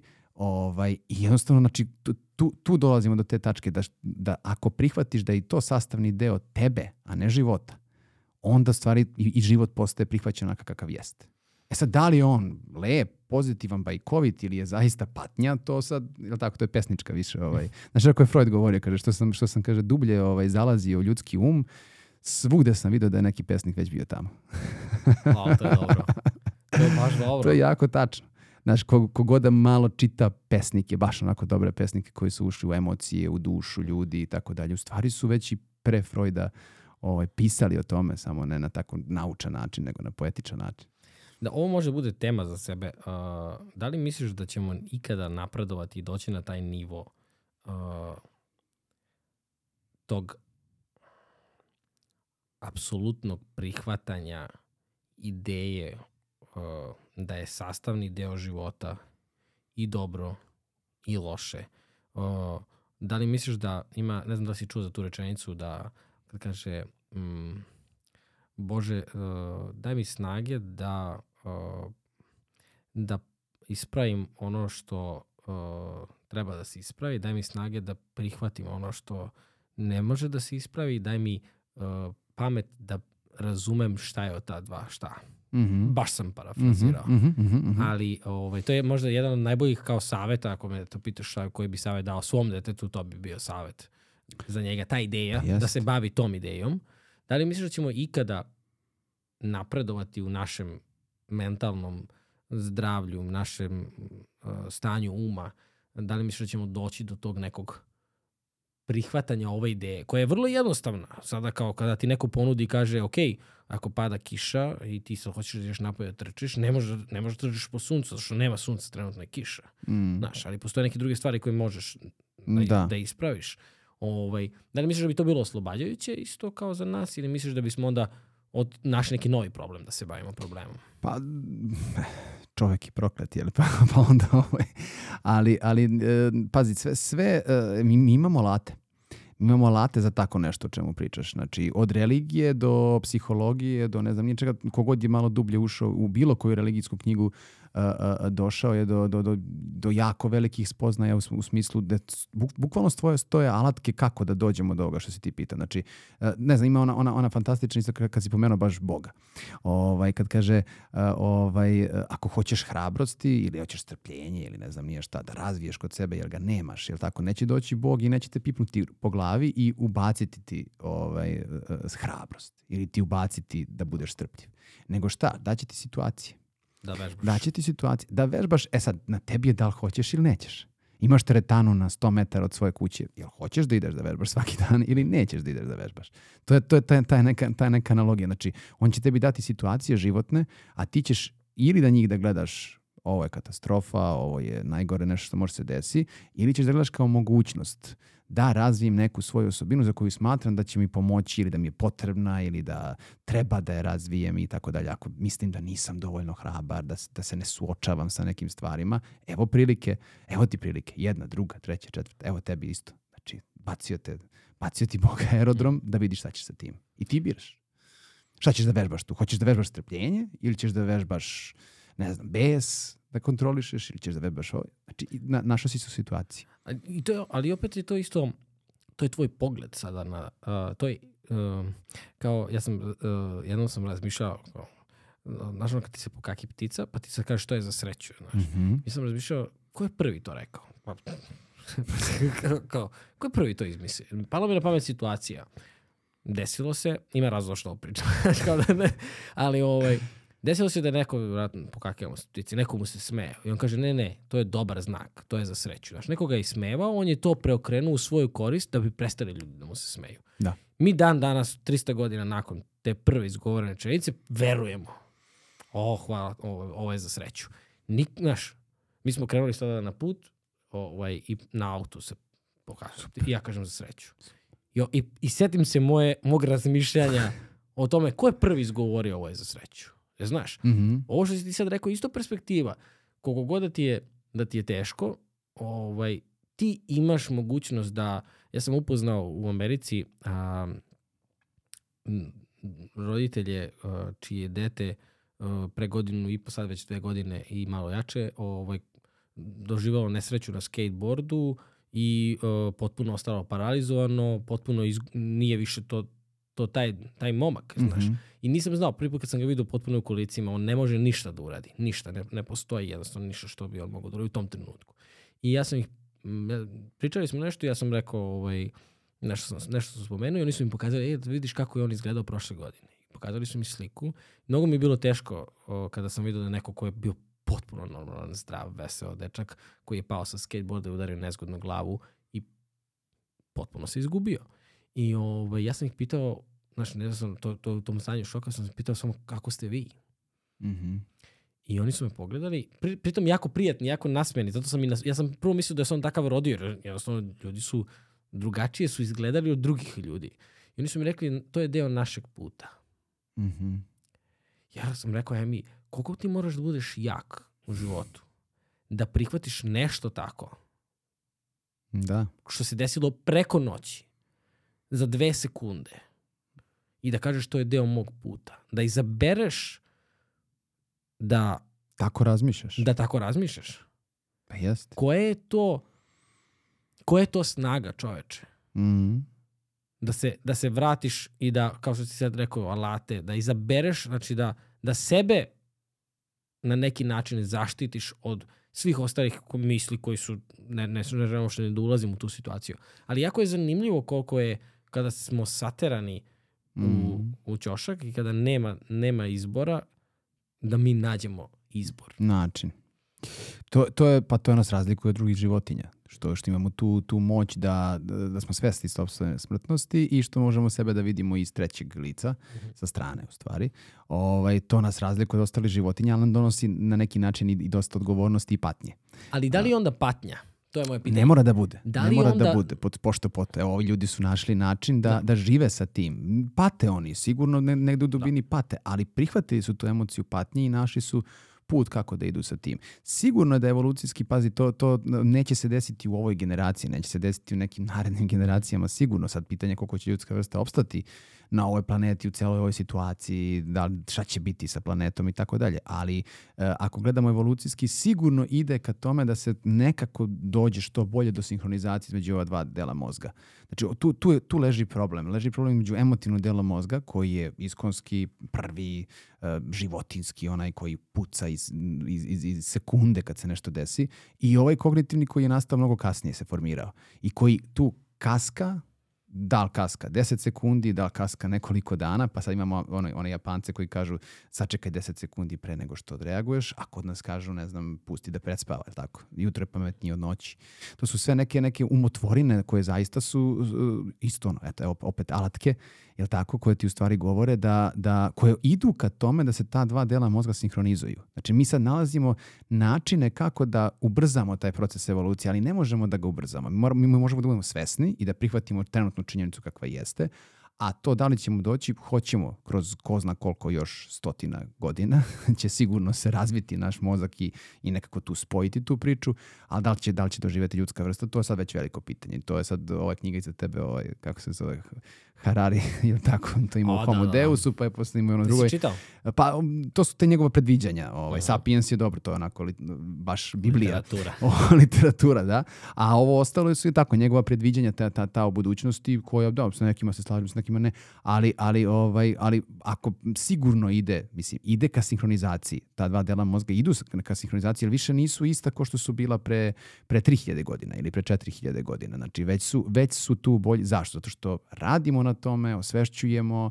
Kažem, religija, pored toga što ima neke svoje mane i neke svoje zloupotrebe, rekao bi, ali u njoj možeš da nađeš iste alatke koje nalaziš i u psihologiji. Evo, ovi ljudi, na primjer, imate neki podatak da je, da, da, ne znam, nije 40% ljudi u nekoj, nekom ispit, studiji, valjda, anksioznosti uh, se ispostavilo da nemaju anksioznost uopšte, uh, da nemaju uopšte anksiozno-panične napade, da, da nikad nisu to doživjeli, a da, da se ispostavilo da je 40% tih ispitanika u stvari bilo da su bili religiozni. Ne zato što je to sad neka magija ili ne znam nije šta, nego uzmeš prosto neke činjenice. Šta te religija te vuče ka dobrom životu, ka zdravom životu, ka dobroj ishrani. Sad evo, sad svi kao ovaj post, ili tako? Sad ono što nekad bio kod nas post, sad imaš ovamo kao intermittent fasting, ili tako? Odnosno, da, da, bukvalno pres, preslikano samo novi naziv. Da. Tako je. Znači neka zdravija priča oko ishrane, zdravija priča oko, oko navika, znači ne pušiš, ne piješ, ne drogiraš se, ili tako živiš. Znači pre svega taj fizički zdrav život, onda živiš život u zajednici, to su, skupljaš se sa tim ljudima, razgovaraš tamo, pričaš, družiš se, što je isto važan faktor, da kažemo, stabilnijeg života, neko, neko će reći dugovečnosti. Ovaj, I treći faktor je to što ta filozofija nudi. Znači, ako tebi ta filozofija kaže da to da neće doći Bog znači i pipnuti te po glavi, nego ćeš ti. Mi to psiholozi imamo u, psiho, u psihoterapiji to ima malo drugačije, pošto mi nemamo taj pristup kao, kao religiozni pristup, ali ima ona, ona čuvena priča, kaže, kad je bila grupna terapija, sad su došli tu svi ovaj, kod psihoterapeuta i njegova prva rečenica je bila na, na, na terapiji kao ovaj, kao, dobar dan, ja sam ovde došao da vam kažem da niko neće doći po vas. I onda su oni kao, kako niko neće doći? Onda jedan, jedan ovaj je rekao, pa kako niko neće doći? Evo, vi ste došli tu za nas. Kaže, da, ja sam došao da vam kažem da niko neće doći. To se može ovaj, para, uporediti sa ovom pričom. Znači, neće Bog da te pipne i da ti stvori nešto. Neće on da ti ubaci neku osobinu. Neće da te ojača i tako dalje. Ali će da ti da situacije, kao što i na psihoterapiji, podržavamo ljude, guramo, jel tako, tu smo im, sistem smo im podrške, da se suoče kad treba da se suoče. Da budemo tu da znaju da neće pasti, da će biti sve ok. Da im kažemo da, da, da, da kanap visi na, na samo metar visine, da nije provalija ispod i tako dalje. Ali ljudi to jedino mogu ako imaju poverenje. I ako se, ako se da kažemo, na neki način vežu za tu osobu i veruju joj, onda, onda, onda zna, onda, onda sme da preseče konopac. I onda će kaže, dobro, ajde, verujem ti. I onda ću da uradim. Ima i ona uh, rečenica nemoj da se moliš za lak život, moli se za snagu. Znaš. Tako. Neće biti lako. Moje, ja sam samo eto kao ti ponudio kao kao pitanje je prosto da li, da li, da li možemo doći do tog nekog uh, do, do neke perspektive, percepcije da život nije patnja, jer uh, eto čak i u tim nekim najmračnim trenucima se pronađe se nada i pronađe se način da se živi sa tim. Znaš, i onda kada vidiš, to je stvarno jedan ekstreman primer, ali ti onda kada vidiš eto, ti, neke situacije, ja volim da dajem svoje primere jer prosto ono, nekako mi je naj, najprirodniji, ima smisla, ali mi se iznerviramo za neke najveće gluposti na svetu kao što je gužo sabrać. Tako Glupo. Ali Tako. Uh, to je ono što mi radimo, sami sebi. Znaš, I ovaj, eto, zanimljivo mi je, volio bi, radujem se nekim našim razgovorima za jedno 40 godina. Ovaj, e, zanima me da li ćemo tada isto posmatrati iz ove perspektive život, znaš, ali ovaj, sa, sa nizom do, lepih događaja uh, sa kojim, koji se trenutno dešavaju u mom životu, Ovaj, znam, tad, moj tata će da se naježi, znaš, ovaj, kad kažem tako Možda nešto. neće slušati. Ali slušaj sigurno. Ali ovaj uh, znaš, prosto se zap, zapitaš se znaš, uh, koliko dugo će da traje ovo lepo, da li ovako uvek može biti lepo, da li je život lep ili je život patnja, znaš, zašto se, znaš, gomila nekih potpitanja tu dolazi, znaš, ali ta zahvalnost o kojoj ćemo pričati Mhm. je, znaš, ključna, barem eto u ovom trenutku za mene. Pa evo, evo, znači došli smo do toga. Na neki način smo ovdje i obradili tu da anksioznost i zahvalnost ne mogu isti koš. Pre nego što kreneš, hoću, izvini, hoću da te vratim za, za, za religiju i za, saj, za taj neki, sad predstavio si je kroz neki set pravila koje ti kažu kako da se hraniš, kako da živiš, kako da, da budeš u zajednici. Eto, sada su naučnici dokazali da, da je najbitnije za sreću zapravo partnerski odnos. Jer, da. su provukli su to kroz onaj eksperiment, sigurno si čuo, koji je trajao više od 50 godina. Ali, ovaj, a sve to imamo u religiji sažvakano i pojednostavljeno u, u deset rečenica. Da. Koje, nažalost, su izbrisane, zaboravljene, možda su i izlizane, isprepričane toliko puta da ljudi su zdravo za gotovo prihvatili to, i, ali ne rade to. Da. Znaš? Ili su zloupotrebljene nekada. Ali sa druge strane, plus taj set pravila, ti imaš još jednu, u mom slučaju, jako bitnu stvar, a to je ta nada. Mhm. Nada da, ne, da nešto ima veći smisao. Znaš, opet, jer mi ni- nismo do sada pričali o religiji nikada u podcastu. Ovo je, ovo je prvi put. Ovo je prvi put. I ta nada da ovaj život ima ne, ne, neku suštinu. Ima ne, ne, nešto gradi. Znaš, jer ako, znaš, neću ulaziti sad u to, ali ako sada ti umreš i nema više crnilo je, mi se ne sjećamo ni šta je bilo pre, ako je nečega i bilo pre. Mhm. Ne znamo šta će biti kasnije, ali ta ideja da postoji nada Mhm. je nešto što te... Ja mislim da smo mi zbog toga i opstali. Znaš, I ti sada imaš gomilu danas, pogotovo mlađe dece, i kad kažem dece, mislim i na ljude koji imaju 22-3 godine, ovaj, koji su potisnuli to, izbacili to iz svog života. I suočavamo se, ti ćeš vjerojatno to primetiti u narednim godinama u svom poslu, sa velikim problemima, sa velikim nezadovoljstvima, sa velikim potisnućima, šta je depresija kada potisnemo i- dok to Tako ne, ne izađe. I kad vidiš da zapravo ta nada nam je potrebna, da li je to za nekoga reč Bog, univerzum, uopšte neću, neću ulaziti u to, ovaj, m, bez toga se javlja haos. Zbog toga se javlja haos. Mhm. Mhm. Uh, znaš o čemu sad razmišljam dok si rekao, e, nada, nada, znaš, znaš koliko sad ima tih nekih debata, ovaj, ali više su jezičke debate, Mm. E, nada vs vera. O, Vera, okej. Da. Znaš zašto? Zato što ovaj, negde, negde sam uh, pročitao da, da su ovaj, nada, da je nada bila na primjer u, u, u Pandorinoj kutiji i uz sve one stvari. O, a reći ti zašto. A, a zašto religiozni ljudi kažu vera, vera, vera, vera. I sad mi smo možda tu malo vera odmah vezali za, za religiju, a vera nije, nije usko vezana za religiju, nego su oni koriste tu reč mnogo, mnogo više nego nada. To ćeš mnogo češće čuti, da kažu da trebaš da veruješ, a ne da se nadaš. Ovaj, a koja je suštinska razlika? A, razlika je vrlo, vrlo mala. A, nada je bezuslovno pozitivna ti kad se nadaš, ti si bezuslovno pozitivno razmišljaš. Znači, ne ostajaš ni gram da ta stvar ipak možda bude i da se ne desi tako kako si ti zamislio. Odnosno da baš i ne bude, znaš, o, pre, preživeće 100% taj ta osoba. A šta ćeš kad ima procenat šanse da neće preživjeti, je tako? E, a vera nudi nešto drugo. Vera nudi, vera je ono što je, što je uh, Anthony Hopkins, ja mislim, rekao u jednom trenutku, kaže, ovaj, ne, ne, e, ne očekujem ništa, prihvatam sve. E to je najpribližnije možda zvuči veri. Jer vera u stvari je, ovaj, kako se zove, znaš, ja sam svestan da može se desiti, jedna velika svest da život nosi i ovo i ovo. I da svaka situacija može da ide i ovim tokom i ovim tokom i ovim putem i ovim putem. I to prihvatam kao tako. Ako bude dobro, ako bude pozitivno, znači ono što se ti imamo samo nadaš, ovaj, super, sve će biti super. Ja ću to doživeti sa prijatnim emocijama.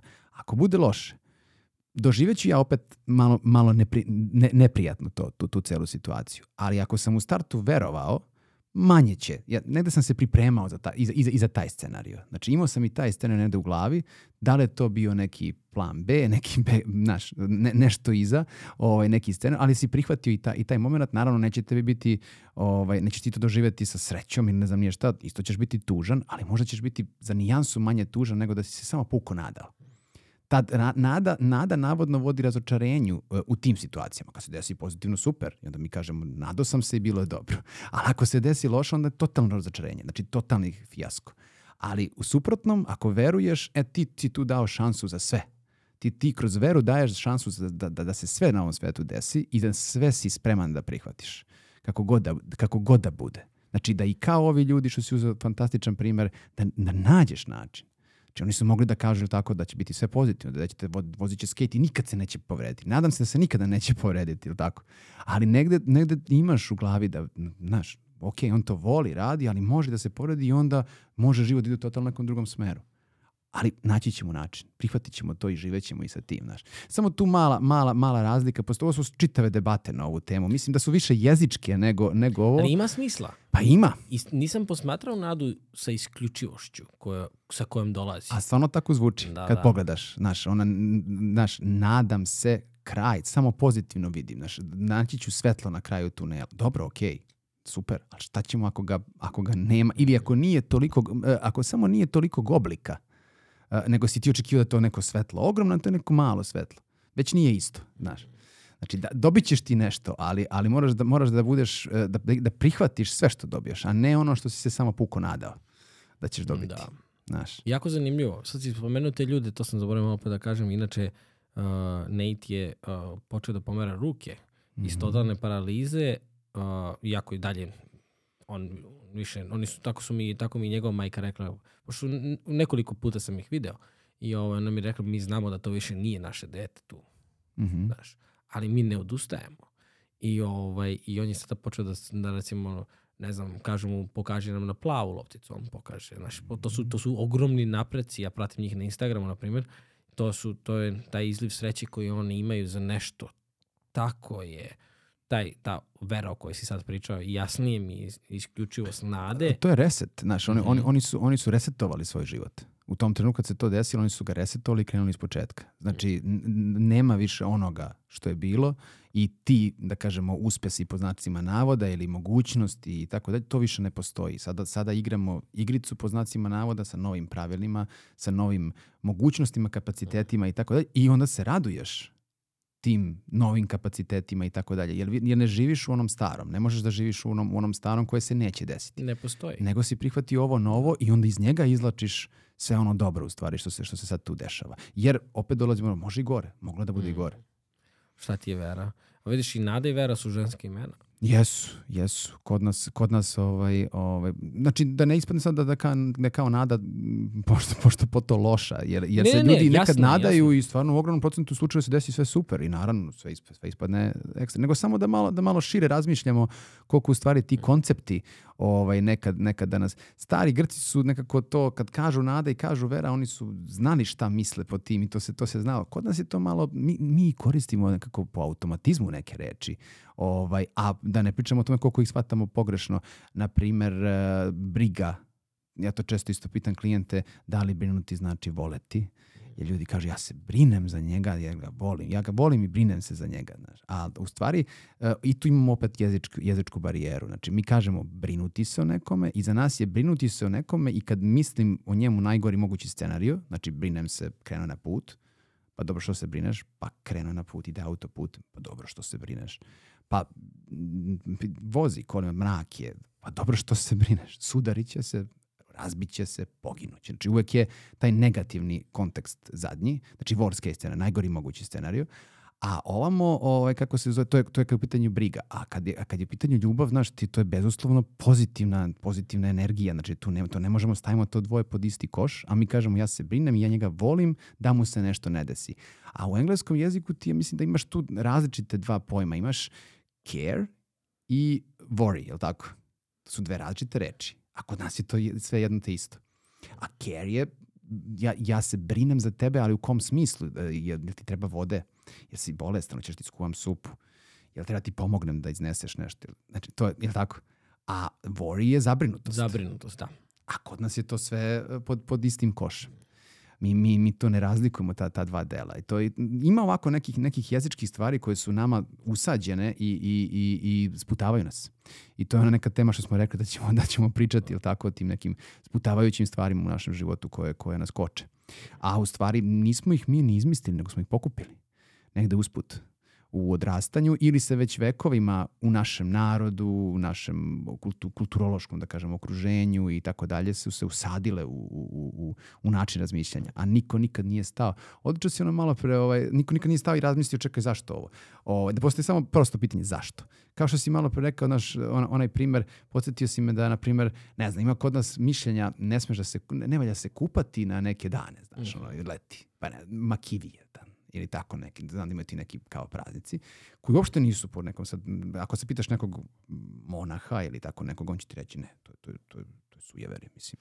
Dosta našeg je sujeverje. Tako je. A, koje, ja sam to primetio kad sam otišao iz Srbije i kad sam shvatio koliko stvari kod nas nema veze sa religijom, prepisanoj religiji, da. više sa tradicijom, običajima Jest i nekim... Uh, ima ona sjajna priča za čurku kad majka sprema. Si čuo za to možda? Ne.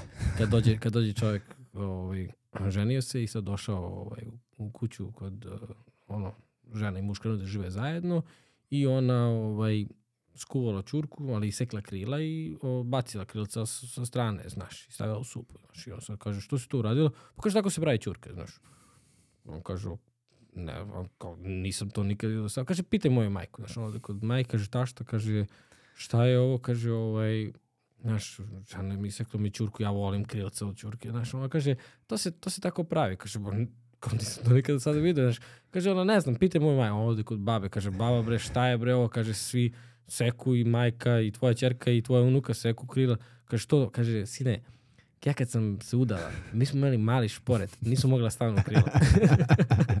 Niko nikad nije Razumeš? stao i pitao zašto. Da zašto ti sečeš to, zašto ti to radiš, znaš. Ja se često zezam za ovaj Makijevan, često, često, često se zezam da je 100% tamo pre 400 godina negde, neka trojica pijanaca su negde sedeli i neku rakiju pili, onako mrtvi pijani, kao ajde smislimo nešto novo, ajde, ajde smislimo danas da, da se ne valja kupati i pronesemo kroz selo. I krenuli po selu i to se primilo i prešlo se jednom sela Pazi, drugo. ali i tako klizav je teren ovo, zato što ti sada da prodrmaš i da kažeš nekome ko se ne kupa tim danima, na primjer, Znaš, uh, a on nije preispitao. Mene je zanimalo ko je prvi pokucao drvo i rekao da ne čuje zlo. Tako je, neko je to rekao. Razumeš? Ima toliko... St... Pritom, većina tih stvari ima smisla. Mm -hmm. Ima smisla, stvarno. Ali, dosta stvari koji su pokupljeni i koji su nas zaštitili i očuvali, nemaju toliko veze sa stvarima sa kojima mi mislimo da ima veze. Tako je. To je poenta. Ja sam imao sjajan intervju uh, ovaj, gde smo pričali upravo o tim uh, slovenskim običajima, mm -hmm. o slavi, o svim tim nekim stvarima, o zašto se pravi a, a, prasetina za Božić, mm -hmm. na primjer. Ne znam da si to... Ne. Ga, jedna od ideja, ne tvrdim da je istinita, ali jedna od ideja jeste da za vreme Turaka Turci ne jedu prasetinu, a, kada su, su za, za Božić Srbi obeležavali, da su im u početku uzimali hranu koju su Srbi spremali mm. i onda su Srbi odlučili da prave prasetinu jer se to ne, da, oni, ne jedu. oni ne jedu i čak Turci nisu dolazili u selo jer su svi pravili ispred kuće prasetinu. To je to. Da im oni ne bi ulazili i dan danas ti paš pečenicu za, jest, za, za jest, Božić. Jest. Da li je to zato što se slavi Božić, kao da li to ima veze sa religijom, ili je to ne piše tradicija? Mislim, ako se držimo Biblije. Ne znaš, tako je. tako? tako je, ali je to i tekako u, urezano u nas. Jest kao nešto što se, ko preispituje to? Pa niko. Razumeš? Niko. Uzimamo zdravo za gotovo i sujever je plašimo se da ako tako ne uradimo da će nešto loše da se desi. Što se onda graniči sa nekim obsesivno-kompulsivnim radnjama, da ne kažem poremećenjem. Pa ne samo to. I kontradiktorno je veri o kojoj si sad pričao. Tako je. To, pa ja, ja kad pričam o veri, ja pričam o filozofiji. Ja, ja, ja, kad, ja kad dotaknem Bibliju ili Kuran ili kad dotaknem nešto datle, ja, ja isključivo to gledam kao, kao filozofski spis. Jer je to stvarno nešto fenomenalno. Nietzsche ima svog antihrista, čuvenu knjigu koju je crkva ga napala i svašta mu rekla i od tada je prognane, da ta- tada je ovaj, sotona za njih i tako da dalje. smo ubili Boga? E, pa tu je rekao između Aha. ostala, da, vaš bog je mrtav, je tako? A to je u stvari ovaj, e, mislio na totalno nešto drugo. Nije, nije naravno mislio ovaj, da, da, da, da je direktno, nego ste ga vi ubili sa ovim vašim ponašanjem. To je hteo da kaže. Sa ovim što vi radite ste u stvari ubili tog boga koji je na početku bio. Jel tako? I sada ga ovom narodu ne dajete u tom obliku kako treba da da, da ga dajete. I tu je jako puno, na primjer, ta, ta knjiga ima čitav jedan odeljak gde on izuzetno hvali Isusa Hrista i sve ono što je pripisano njegovim rečima. I, i, i čak i obrađuje se to u knjizi i tako dalje. Ali e, e, to je razdvojio od institucije, razdvojio od svih tih nekih, katoličku crkvu dosta kritikovao u tom periodu i tako dalje, ovaj, kroz, kroz to delo. Jer je bio taj period stvarno kada je, kada je bila borba, kada su oni e, zloupotrebljavali sve te stvari zarad ove filozofije. Jer svaka filozofija može, može da, se, da se zloupotrebi. Na kraju krajeva e, Nietzsche, Schopenhauer, e, ne znam, e, Faust od, kako se zove, GTA i tako dalje, najbolja možda napisana dela ikada na, na, na ovoj planeti, na kraju su i nacisti iskoristili. Zato što su, ti svako delo možda prevedeš na, svoj, na, na, na svoju vodenicu. Da, da, I da se ekstrem. pozoveš na to. Tako je, Da, da. tako je. I to što ti kažeš, niko ne preispituje, niko, niko ne ide u dubinu šta je taj pisac teo da kaže, zašto ovo postoji, zašto ovo radi. Šta je pisac hteo da kaže? Eto još jedna izreka. Jedna, tako? da, što mi u stvari nekad zgutamo knjigu, Mm. pročitamo, bukvalno je progutamo i kao i, to je to je to, ponašam se tako. Ne, čekaj, stani, nađi svoju verziju toga što si pročitao.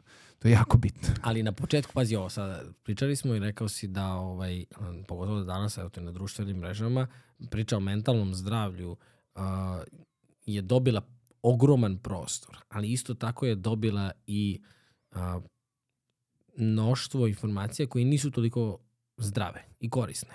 I sada ti imaš, ovo, ne znam, koliko, koliko traje ovaj podcast? Sat vremena i nešto. Mi, mi smo tek na prvom. Pa i malo smo čačnuli ovu drugu. E, Znaš, da, ali hoću ti kažem, za ovakve teme je potrebno vreme. Potrebno je i, izaći iz okvira, vratiti se u okvir, povezati neke stvari, znaš, Mhm. a, a ti sada imaš na Instagramu nešto što ćeš napraviti u 30 sekundi, da će neko nešto reći ili neki citat, ko, sećaš se možda perioda kada su svi kačili citate, posle Yes. kaže Albert Einstein je rekao da ako staviš ruku na ringlu, ti, ne- ili ne znam, onda sad odjednom šest, is- š, jedan citat, šest autora. Me Jest, razumeš? jest, I jest. prosto se to sve isto prežvakalo i ne, a, informacije s- sa kojima, sm- kojima smo izloženi. A, toliko si puta video neki citat ili si čuo neki, neki reels ili neki motivacijni klip da si prestao da dovodiš u pitanje šta je izrečeno, da li je to tebi važno, da li je to tebi prioritet ili nije. Usvajaš, uzimaš, Mhm. Znaš, ali nema ovog. Ne, ti ja sad preispitujemo neku, neku stvar. Bavimo se nekim problemom. I jedna stvar nas je izdigresirala jako daleko, kao što vidiš. Da. Znaš, a ovo je zato što je spakovano u 30 potrebno i, sekundi. i može biti, da, da, i može biti, o, mi možemo sad pričati samo o ovome šest sati. Tako je. Ti razgovori, to je ono što je jako zanimljivo. Ja mislim da, da su to bili, mm, ne, ne, ali mis- mislim da, da je politika išla, jer ti sad kad gledaš tu staru Grčku i to, oni su bili političari, filozofi, filozofirali su, ispitivali su, stavljali su neke temelje koje mi dan danas imamo, ali uh, ne postoje toliko više razgovori ili ako postoje, nisu nam, znaš, kol- koliko puta sada ćeš da odeš da sedneš, ne znam, u kafanu i da filozofiraš o životu. Nećeš i pričat ćeš o nekom tiketu koji si odigrao ili, Jeste. znaš, koja sad već grupa ljudi ide, ide u kafane, ne, ne, ne znam, ne idem, ali, znaš, neću da ulazim u to. Hoću ti kažem, filozofiranje nam je potrebno. Da li ćemo ti i ja sada dati neki odgovor ili doći do, ne znam, ali znam da smo da ćemo neka pitanja u nekome probuditi. I taj neko će da ode i da razmisli i da sa svojim prijateljem Popriča počne da tome. priča. Jeste. Znaš, I to onda kreće da se sliva i da se neka ideja stvara u vazduhu. Znaš, ja samo mislim da je sa a, fenomenom društvenih mreža koja je krenula od toga da se čuješ sa nekim i da ostaneš u kontaktu do toga da se na društvenim mrežama a, edukuješ, prodaješ svoje proizvode, šta god da Mm. radiš.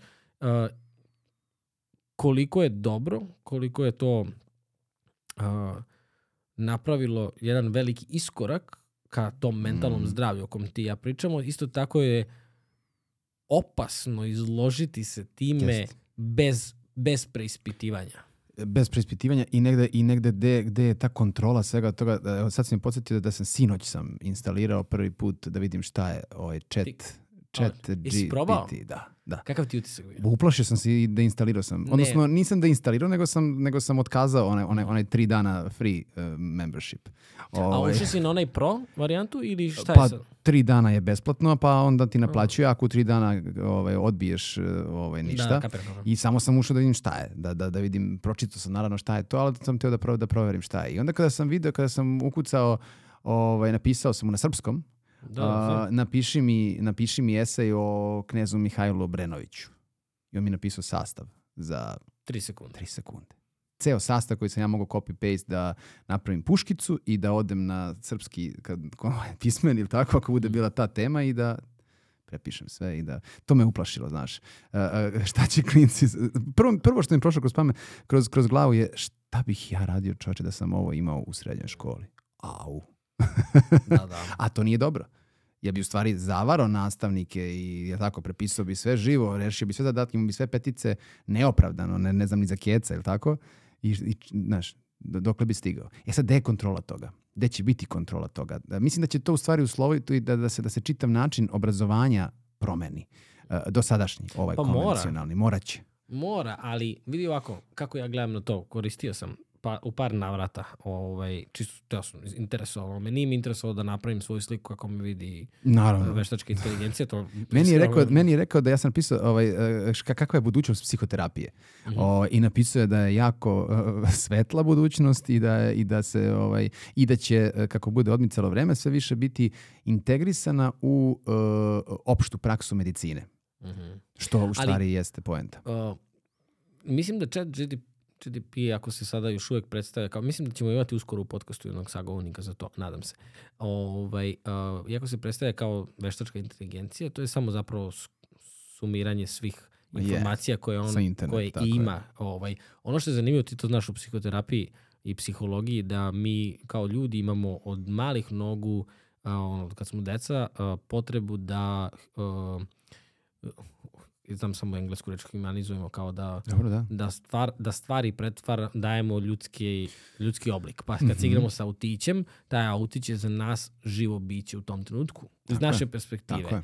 Lako, zato nam je lako da se igramo sa igračkicama, sa, sa stvarima, jer, jer im prepisujem. E, isto tako, mi dan danas to telefon malte ne doživljavamo kao živi organizam. Mhm. A, chat GDP svi pričaju ona zna ili on zna. Alexa. To je, to je tako mašina. dalje, da, tako da, je, tako da, je, tako je. Znaš, a, za mene recimo, meni je sjajno ideja GDP. Ja mislim da je to jedna od najboljih stvari koje, se- koje se desi na internetu. Ti ja smo pričali, internet se koristi najviše za pornografiju, što je poražavajuće. Da. Ali mislim da je ovo jedna od opcija koja će otvoriti mogućnost da a, a, za kreativne poslove, kao što recimo Sigurno. ovo što ti ja sad radimo, a, ti, ja sad imam mogućnost da imam asistenta koji ima mnogo informacija koje može da mi ponudi, koje ja mogu da obrađujem kasnije. Mhm, Mislim da mhm. će se pretvoriti uh, u početku naravno i koristiti u smislu da će neko da kaže evo ovo sam ja napisao i to će. Da, da, da. Ali napravit će se filter i ti imaš sada na Google da, ne znam, ako kreneš da praviš blogove koje je pisala samo veštačka inteligencija, koje nije pisao Mhm. čovek, Google algoritam prepoznaje te blogove i može da ih, ovaj, da te, da te manje rankira. Na primjer, jedna od informacija. E sad ti vidi ovo, za, za pet godina od korišćenja ovo, postojaće softver i mašine koje će se lako prepoznati. Mislim da, ovaj, da, da ne, ne plašim se toga. Plašim se da neko ko ima 16 godina i zloupotrebljava to dugo, kada bude udario zid, vidjet će da je propustio. Pa kao, jest. kao da ideš u teretanu i sediš i kao pitaš se što za 10 godina nemaš jači mišić. Pa zato što si sedeo u teretanu. Znaš, da. Ali mislim da ima potencijal da kreativcima ponudi mogućnost da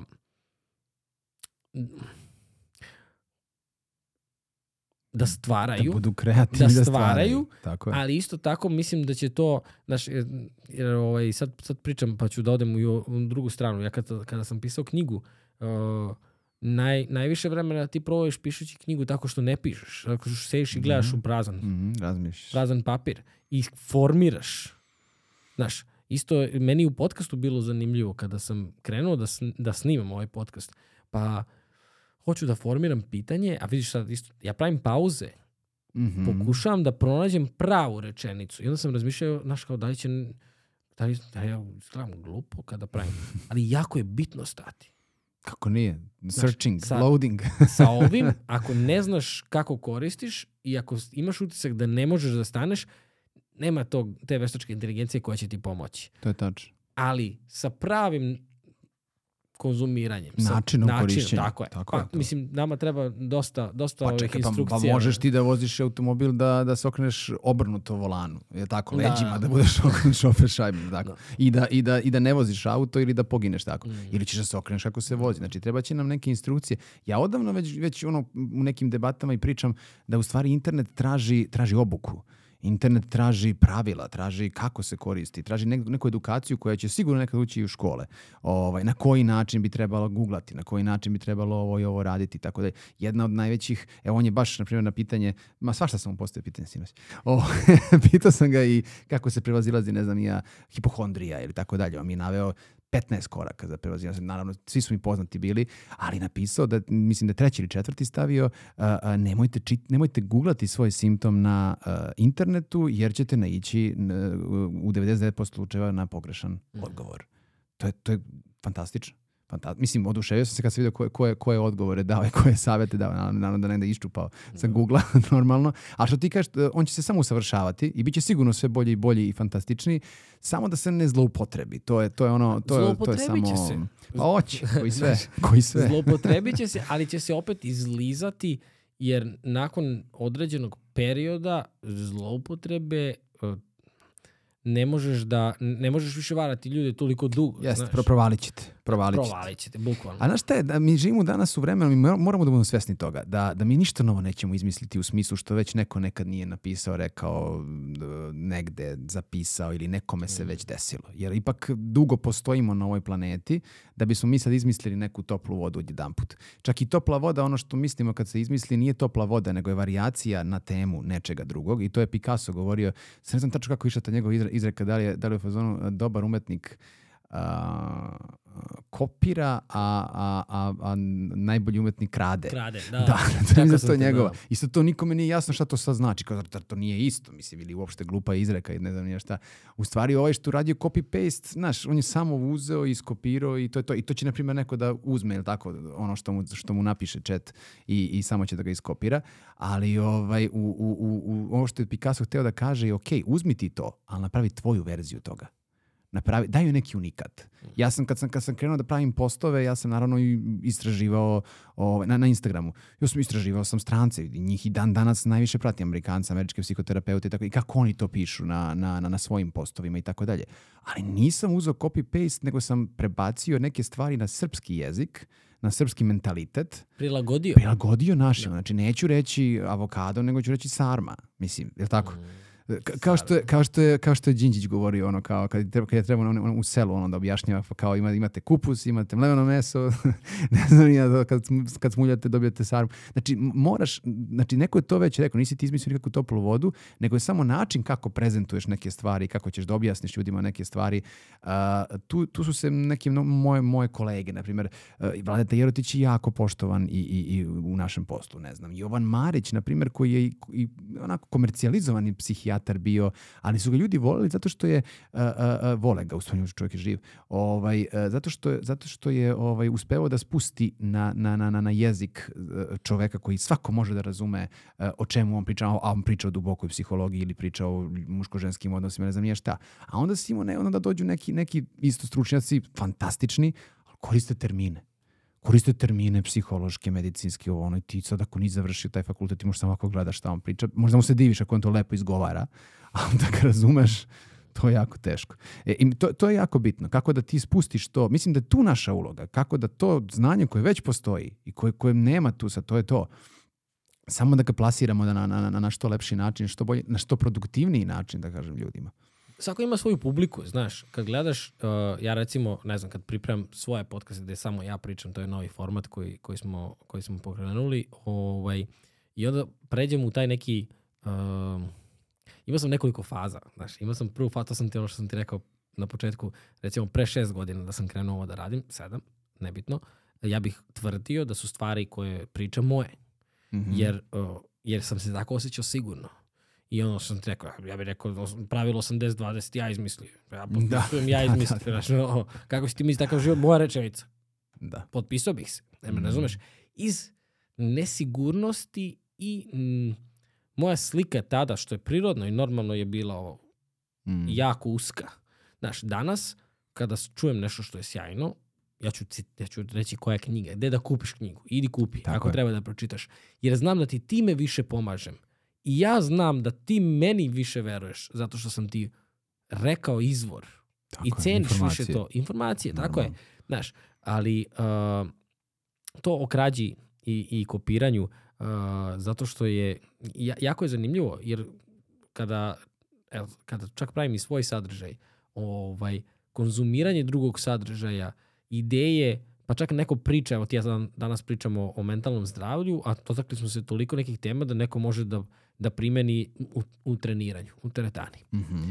ili u svojim odnosima ili naš na mnogo polja, Polja, da, da, da. može da se da se primeni nešto. Da li je sada to kra, meni krađa zvuči grubo Mhm. kao o, kao termin. Da, da, da. da. To je Ali- I bukvalni prevod, da. Da, Mm. ali je ideja koja stoji iza toga jeste da a, a, kopiranje sadržaja da isto is, is, sažvakano, čak i, čak i prešvakano nešto Mm. Znaš, kako ti misliš takav ti život, kao kako razmišljaš, tako će ti biti u životu. Isto je, čekaj, ajde, Jeste. ajde otvori malo to, ajde preispitaj to. Da. Ajde, otvo, koji je tvoj lični primjer? Znaš, Mhm. i u tom pravcu ti opet možeš da kreiraš i stvaraš, Tako je. a da to više nije krađa, nego to je inspiracija koju možeš da Apsolutno. iskoristiš, znaš, koja ti je stvari data. Jer to je, ja mislim da je jako važno da, da se to ne bi izgubilo, to treba provlačiti Mhm. to treba tražiti u današnjem svetu. Znaš, mislim da je to jako važno. Ali opet kažem ti, mislim da kopiranje dolazi iz te neke nesigurnosti i nepoverenja da možeš, Jest. znaš. Ima tu sad dosta, dosta nekih strahova. Ja čak i u ovom podcastu nemam neki utisak da sada neko, sutra ćeš da odeš da snimaš sa nekim drugim, naravno, mi više nismo drugari. šalim se. O, Nikad te više neću pozvati. doći ja. ovde. O, šalim se. Ali ne, nemam, baš suprotno. Ja mislim da ako sutra odeš na još jedan razgovor, ja mislim da će naš razgovor sledeći put biti još bolji. Ćeš ti sebi otvoriti i ispričati nešto. Naravno. Znaš, ne vidim tu neku konkurenciju, ne vidim neki strah. Opet je- os- osjećam se sigurno u ovome što ja radim, ali isto tako znam da sutra ti ja sednemo pričamo o ovoj temi. Opet ćemo potpuno drugačiji razgovor. Sutra. Verovatno, verovatno. Ili da, za da. dva sata da pričamo. I, ili, će, ili će nas samo putevi navući na neki drugi Drugu deo. priču, da. Sve ovo što si rekao u suštini je to, to, je, to je sistemski povezano i mi, mi moramo da shvatimo da je naš, da je naš život i da, da, da jednostavno sve što radimo na ovom svetu da, je- da, da je uzročno posledično se dešava. I ne možemo da posmatramo odvojeno. Ja sam to stalno zamerao i medicini, ovaj, savremenoj, odnosno ovoj, da kažemo, našoj medicini, što se ljudi specijalizuju, pa se usko specijalizuju, pa vam postane specijaliz, specijaliziran, specijaliziran, specijaliziran. Znači dođem do, do, do maltene, od srca sam maltene samo na jednoj komori. Ja radim samo desnu komoru i ništa više na ovom svetu. Naravno, para, parafraziram. zezam Dobra se. je, dobra je, sviđa se. se. Ali, ali hoću da kažem, ne, ne, svaki pametni kardiolog će ti reći uh, da, ja sam stručnjak za ovo, ali ja neću da zanemarim uticaj srca na ostale organe, povezat ću ga i sa mozgom, povezat ću ga i sa autonomnim sistemom, povezat ću ga i s ovim i sa onim, i sa petama na kraju krajeva i sa noktima. Nije bitno. Zašto? Zato što moramo da gledamo kao, kao celinu. Ja sad govorim kroz medicinu na, na, na nivou tela, ali to je, to je na sve što se dešava u našem, u našem životu. To je, to je mnogo šira priča nego, nego šira priča od nas. Od nas samih. Ajde da se ti ja vratimo na ovu našu širu sliku. Da, a, i, i dalje si po- i- pod utiskom teškog razgovora priča opet sutra i, i razjasni. To je bila jedna, to je bila jedna rečenica. Ovaj, e, lepo si ovo rekao, ja sam ovo spakovao u 30 sekundi, a, a ti i ja jedno obradi smo za sat vremena. Ovo ćemo malo brže. E, pazi, to, ov- o- u ovoj rečenici i dalje si pod utiskom teškog razgovora, pričaj opet sutra i razjasni. Sutra je glavna reč u celoj ovoj rečenici sutra. Znači, uh, uh, jutro je pametnije od večera, vraćamo se opet na to. I na te neke, ovaj, kako se zove, naše stare um- umotvorine i, i koje neke, kažemo, imaju opravdano, neke, neke su sputavajuće. Ovaj, e, e, šta ovde u stvari znači? Ovde, ovde se opet vraćamo na onu priču našeg, našeg mozga. Opet se vraćamo na emocije. Opet se vraćamo na, na emotivni mozak na, i na kognitivni mozak. Znači, u nekoj smo raspravi, neko nas iznervirao, posvađali smo se, ne slažemo se s nekim mišljenjem, nešto nije okej okay, i tako I šta mi tu radimo najčešće? Još guramo, guramo, guramo, guramo, nastavljamo svađu. Dok, to, dok, dok jedan ne izgubi svoj, svoj kapacitet ili tako i pukne, nekad se to završi tučom, nekad se to završi svađom da se nikad više ne progovori, neko ode, neko se, i tako dalje, tako dalje. I onda imamo to, jeli, jutro pametnije večer, ajde stanemo u ovom trenutku, nešto, ne mogu da te pratim, nije, nije mi dobro, e, energija mi nije baš na, na, na zavidnom nivou, ajde nastavit ćemo sutra, hladnije glave. To se često čuje u, u, u razgovorima, ljudi, e sad, ali nije nekim ljudima jako teško da stanu i, i da prestanu u tom momentu. I to je, i to je zato sam uzeo ovaj, ovaj, ovaj deo ovde kao, kao neki, kao jedan, jedan savet ljudima da, da ne žure pošto poto, razgovori ne moraju da imaju cilj ne treba da imaju cilj, ne treba da imaju neku, neku, neku krajnju poentu. Znači, ako pričamo, tečemo, evo kao ti i ja sad, jesmo, jesmo krenuli od anksioznosti i završili smo na religiji, ne znam nija čemu tamo, jer nas je tako reka vodila. Ti i ja smo samo u nekim momentima kad smo možda videli da ćemo se nasučemo na obalu, samo malkice smo veslom vratili ka sredini i onda opet smo pustili veslo i pustili da nas nosi reka.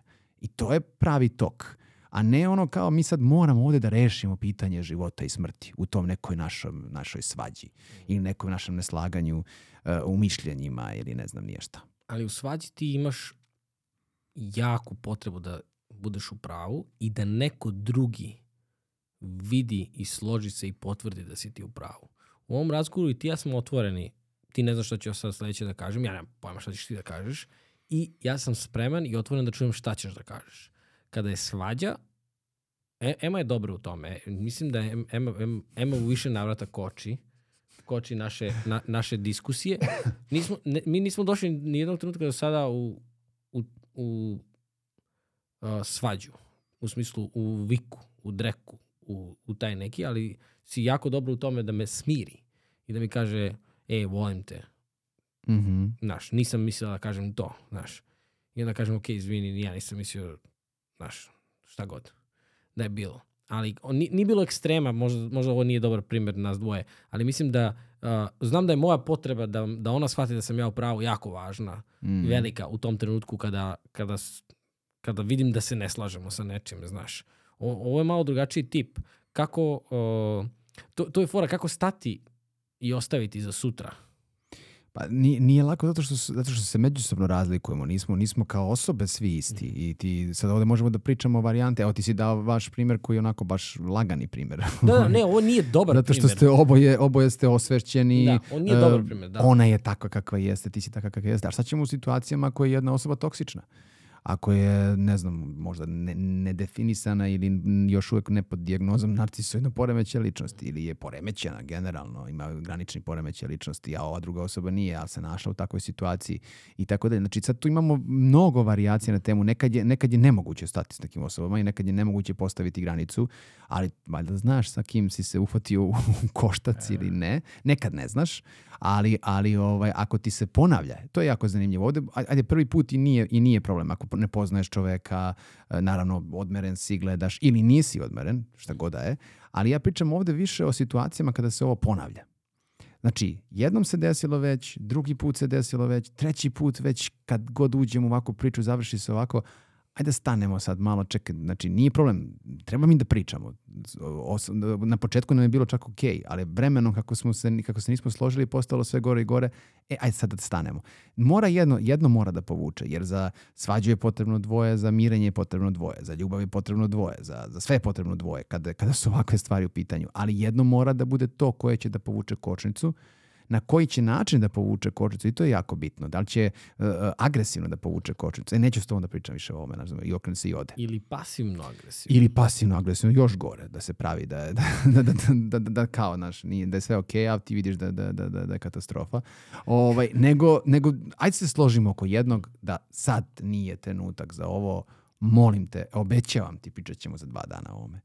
I, o, i odate kući. Ili promenite temu pa se, pa se onda naravno setiš da ste pričali na tu temu, pa neke mirnije glave. Jer pazi, uh, u komunikaciji nije, nije stvar šta ćemo mi reći.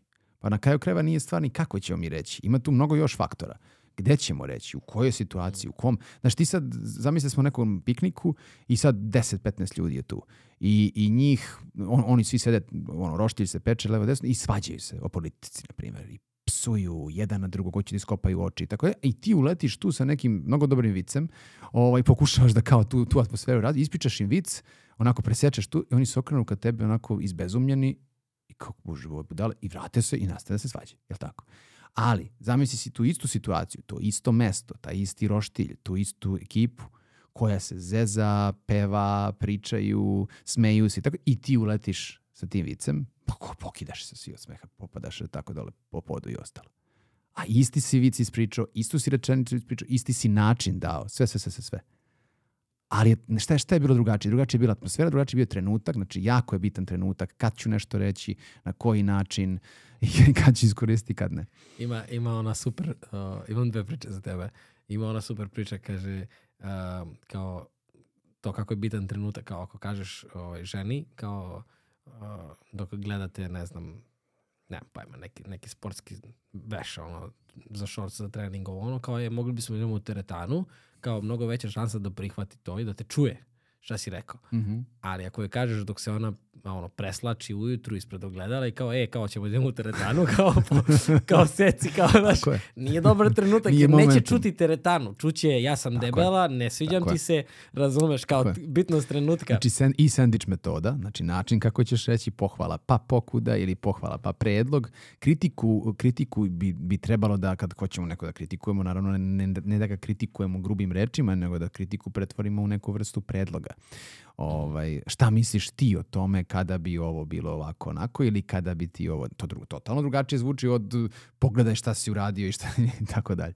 To su, to su sad sve, da kažemo, ti načini komunikacije koji iskreno ti kažem, nama, nama nekako nisu, n- znaš i sam, nismo, nismo tome učeni u školi, nismo tome učeni kroz, kroz, nego smo naučili tek kasnije kroz neke knjige, kroz želju da, da bolje komuniciramo, jer smo vidjeli da ovo do sada nije bilo dobro ili smo osvestili, osoba uglavnom osvesti da, znaš, ako sam se već tri puta posvađao s nekim, nešto nije okej, čekaj da vidim bre, da ja grešim, da on greši, da, da li, je ov- da li mogu drugačije, kako bih mogao. I tako smo uopšte i aktivirali sebe da naučimo komunikaciji nešto, nešto šire. Nismo to, ovaj, makar ja nisam imao, imao to u nekom formalnom obrazovanju. Da, da. Takve stvari.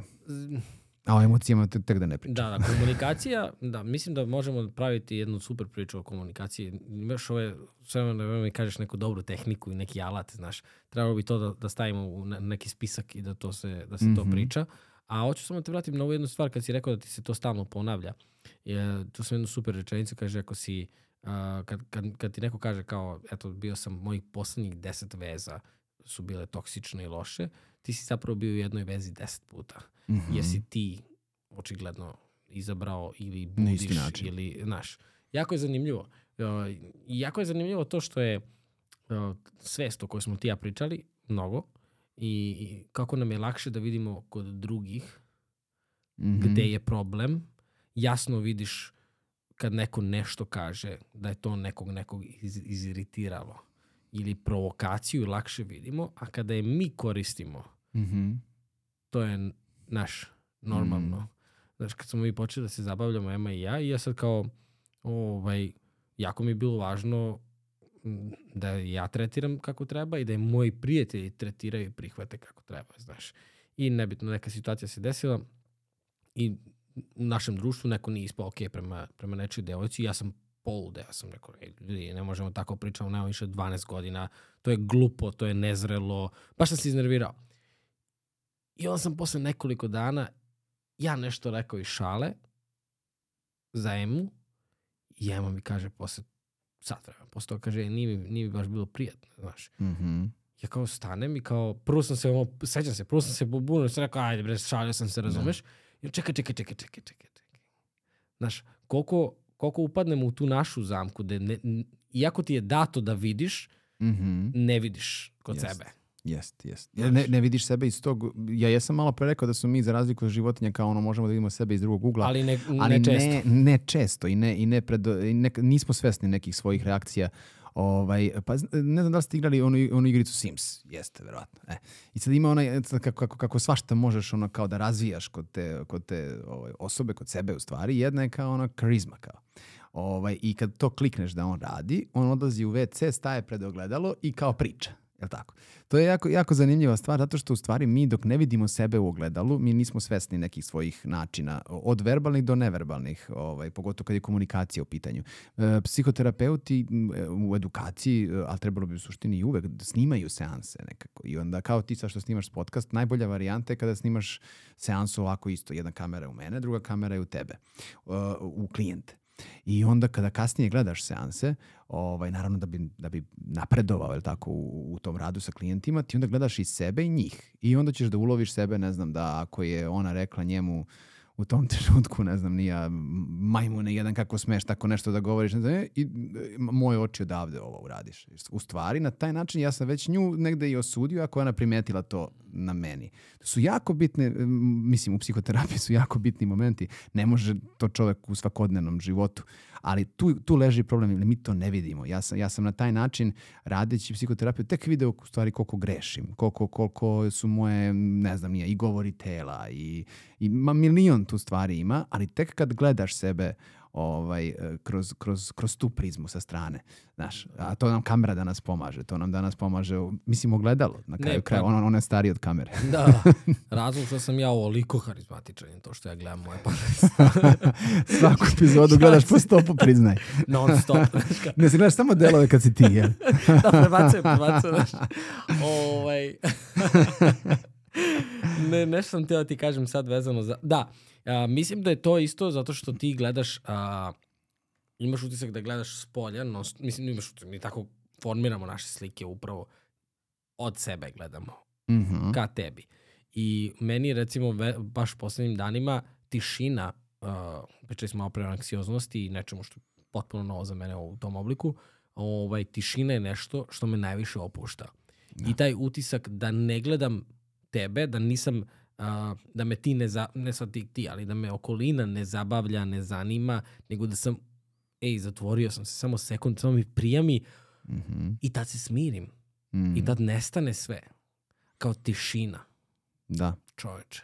Pa, između ostalog, meditacija je jedna, jedan od, Jedan od dobrih, razlik- molitva, kako- Svugde da. ćeš naći to na internetu, znači, znači saveti, šta su saveti, smiri se, fizička aktivnost, ako možeš da budeš što izolovaniji. E, A ljudi tu uglavnom hoće da reše problem što pre, pogotovo ovi drugi, ne, ne, ne ti kao ti koji osjećaš, nego ovi ljudi oko tebe a, a, hoće da te, da te raspolože, hoće da bude srećni, hoće, hoće od- od- iz dobrih namera. Žele ti najbolje, da. Što bi rekao sad guru kao sve na ovom svetu iz dobrih namera je krenulo po, po, po, po zlu. Mislim, Brinu, to- brinu. Brine, brinu. Tako. Umesto te pitaju kao, jel, ume- umesto da ta briga bude, da, da oni znaju da je za tebe u ovom trenutku najbolje, da odeš i da se naspavaš.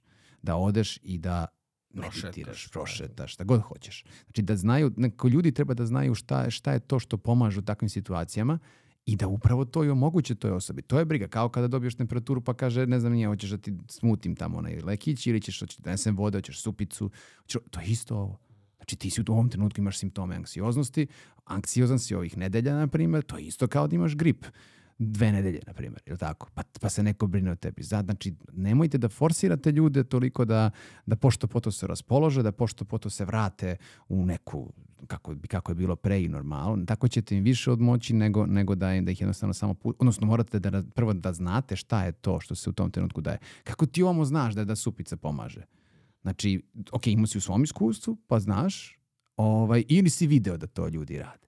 Isto i sa anksioznošću. Ne moraš da je doživiš, ali možeš da znaš šta, šta inače tu, pa evo danas mi gdje ti i ja pričamo. Sad će neko da čuje ko nikad nije doživio anksioznost, ali ima tu mogućnost da sad pomogne nekome u svojoj porodici ako postane anksiozan. Znači, znaš šta bi trebao da uradi u tom trenutku. Nemoj ga smarati, nemoj mu govoriti svašta, nemoj mu ovo, nemoj, nemoj ga terati da se smeje, nemoj ga terati na pozitivno, pošto, poto i tako. Pusti ga 7 dana, neko, Biće neko bolje, odleži. Pa jest. I kad imaš temperaturu 40, ne možeš se smeješ nego čekaš da, da spadne na 37 sa 2 kod žena, kod muškaraca 37 sa 2 najgora. Najgore.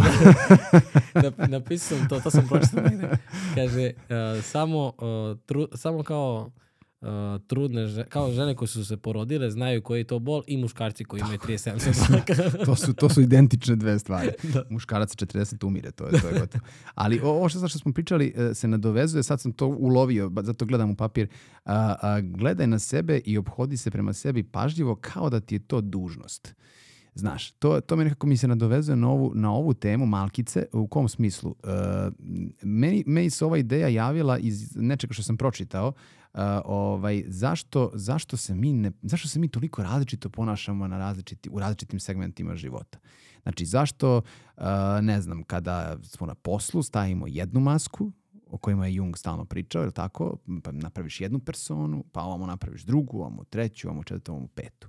I sad, ne kažemo da su to loše, mislim, to tako svi radimo. Nismo, nismo isti pred klijentom, nismo isti pred, sa, sa ženom kući i nismo isti sa tamo, ne znam, nekim, nekim trećim. A, šta u stvari hoću da kažem ovde? Da, da na neki način, to smo se mi često, često zapitali, na primjer, na, na, na, na psihoterapiji. Znaš, to, to, je, to je stalno bila... Na, kako smo mi tako pažljivi prema, prema klijentu, ili tako? A, pa ga uvažimo pa mu, ne znam nija, na neki način mu ga saslušamo, pa smo empatični, pa smo uh, mirni, tihi, pa onda damo, damo, ne, ne dajemo sugestije, nego pitamo, je tako, pa pitanjima otvaramo priču i tako dalje, i tako dalje, i tako dalje. E sad, šta, šta je sad tu zanimljivo? Zanimljivo je da, da to, na primjer, ne uradimo kući nego dođemo mrtvi umorni, je tako? I onda tamo, a tamo nas čekaju žena, čeka nas deca, čeka nas neko, nije bitno. I sad sa tom osobom mu ne damo to što, smo, što u stvari ovaj, smo tamo ne, na nekom drugom polju pokazali dokazali sebi da mi to možemo. Znači, e, e, šta, na šta to odmah ukazuje? Ukazuje na neki balans energije. I, i, I u tom pogledu. Znači, ti možda previše radiš. Možda previše radiš, previše trošiš energije, previše si na tom poslu ljubazan, dobar, ovo, ono, pa negde ovo moraš da iskališ i izbaciš, pa treba li to da bude tvoja porodica ili ne znam, neko pravi traži balans, traži gde grešiš, gde, gde, gde si napravio, gde, gde možda preteruješ, da ne bi tu energiju nosio uvek, ali svest o tome da treba da onome u čemu smo dobri, znaš, osvestiš gde si, gde si zaista dobar. Naprimjer, ako sam ja dobar na psihoterapiji, mislim da sam dobar na psihoterapiji, mislim da umem da, da slušam ljude, mislim da umem da... Pa zašto mi to ne ide kući baš tako dobro? Zašto mi to ne ide, jel tako? A, a znam da je to moja veština, znam da, da, da ja to mogu. Nego šta je? Nestrpljiv sam. Hoću pre, da se što pre nešto desi. Hoću što pre promenu ili volim ih previše pa bih voleo da to ide, ne znam, nije mnogo brže. Ili jednostavno nemam energiju, umorni sam, spava mi se, razumeš? To, to, to su sad te, te, te ovaj, a, a, a, razlike zašto, doduše kod nas, znaš, ti dođeš na šalter pa te ovaj, pa te otera, znaš, nemaš papir pa ti kaže svašta ovaj, teta tamo što radi. Ovaj, FT1P. FT1P. Sad, stalno sam se pitao da li je ovaka kući. Mm -hmm. Znaš, neki jesu tak, i takvi i kući, a neki nisu. Ali pazi, to je deo a, kulture, u smislu, ne mislim sad kulture i ne kulture, ali deo a, daću ti primjer, kada smo ulazili u Nemačku mm -hmm. sada, i rekao sam, zaboravio sam pasoš ono, potpuno raspad sistema, žena na granici, osmeh do grla, do, do uva, do grla, bože, do, osmeh od uveta do uveta, sad ću da vam pomognem, nemojte da se sekirate, pozvali telefon, uh, doneli su nam pasoše iz aviona, ona je, znaš, ja sam krenuo da uzem moje pasoše, kaže, ne, ne, ne, kao i da je Emi, mm -hmm. našalila mm -hmm. se ovo ono, znaš, a, to je tako, recimo kad ulaziš u Ameriku, uvek je dobar dan, kako ste, kako ste putovali. Pitate čovjek kako si putovao. Ej, 7000 ljudi mu prođe, on pita kako ste putovali. Mm. Dođeš kod nas. Gledate. Odakle? Kao, reci dobar dan. Zna, ti ljudi, i mi smo sad, ovo je prvi put sada na, na aerodrom da smo došli i došli smo s bebom, mislim da je zbog bebe i bila pozitivna reakcija, ali čekaj bre čoveče, znam da nisi takav u prirodi. Ne, da. Nisu svi koji su zaposleni na carini u svom privatnom životu mrguti. Nisi zadovoljan možda Ej, poslom, nisi zadovoljan. Čoveče, ali mislim da je deo kulture, Jest. pogotovo e, sa, ajde, sa šalteruše, u smislu na ljudi koji rade na šalteru, ovaj, mi, mi imamo dosta i viceva i sve kao za plavuše i ostalo, pa sad ti misliš, znaš, ali kao, čekaj, može i drugačije da se postaviš. Pos, mnogo će ti biti lepši posao ako nekog pitaš kako si put. Samo da mu daš malo pažnje, to, jer ljubav što se daje, to je jedina stvar koja se daje i uvećava, znaš. Yes. I to yes. su sve mali znaci ljubavi, znaš. Može da se, mislim da može da se promeni. Ali ja sam onda, Stereotip. Da, da, ti ja smo se, u stvari ja sam se uhvatio, pa sad i si ti sa tim primjerom, više kako, kako ovaj, se ophodimo prema drugima. A ja sam ovde čak stavio pažljivo kao da ti je to dužnost prema sebi. Znači, gledaj, gledaj na sebe i obhodi se uh, prema sebi pažljivo kao da ti je to dužnost. Uh, znači, krenuti od sebe Znači da, da na neki način, da li bi ti voleo da se ponašaš prema sebi onako kako ti se on sad ponašao tu na, tako na, na, na šalteru? Kako se ti osjećaš kad se, kad se tako ponašaš sam prema sebi? Ili da ti neko tako ovaj, se ponaša prema Znači nije ti prijatno. Krećeš od sebe da se pr- prvo prema sebi ophodiš kako treba da razgovaraš sa sobom, kako treba da misliš o sebi, ovaj, što bolje, je tako, da ne misliš o sebi da si najgori na svetu ili ne znam nije šta. I onda sa takvom energijom ti možeš uh, ovaj, da širiš dalje. Uh, ljudi često zaboravljaju, uh, opet ćemo se uhvatiti ti ove religije. Danas smo definitivno, ovaj, neočekivano smo došli Nismo do toga, ali tome pre- dobro. Da. Ali postoji jedna, je tako to Božja zapovest. Ljubi bližnjeg svoga kao samog sebe. Taj deo kao samog sebe baš često zaboravimo. I uhvatimo se samo ovog prvog dela, ovaj, ljubi bližnjeg svoga i tako, tako nastaju oni u Americi poznato kao termin people pleaseri, a kod nas to se prevodi kao ljudi koji svima udovoljavaju, a sebi na uštrb sebe ili ja ih volim da ih zovem ekstremni altruisti. Sebi je odmah asocijacija na sebičnost. Jest, to je Sebičnost vuče na um, narcise, uh, Jest. na ovaj, i sad ti mnogo više znaš o tom sindromu, ali o, pogotovo ljubav prema sebi, ja mislim, ne, ja nisam ranije čuo za to dok nisam počeo da čitam Louisu Hay i Mhm. onda se ubao na psihologiji sada to provlači kroz razne ideje, ali ovaj, uh, uh, se, voditi račun o sebi i biti sebičan, mislim, nepotrebno i naglasiti, da znam da znaš, ali ovaj, su potpuno dva različita pojma, Tako gde je sebičnost strah, gde je ljubav prema sebi ljubav Tako. prema sebi. I ovaj i verovatno jedan od mm, ja bih a, kao argument stavio kao jedan od najvećih izvora svih ostalih nevolja Mhm. ovaj, je upravo to zanemarivanje sebe i ne mm,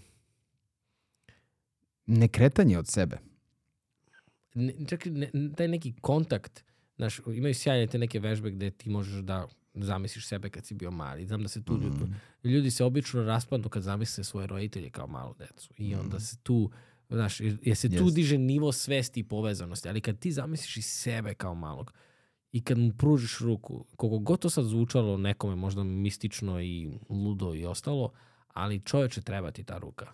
Jer ne, nema, nisi u dodiru više. I Jest. plus ti dolaziš do, mislim da malo pričamo o dve različite stvari od onoga što, što si ti interno tu napisao, ali samo mi sad palo na pamet.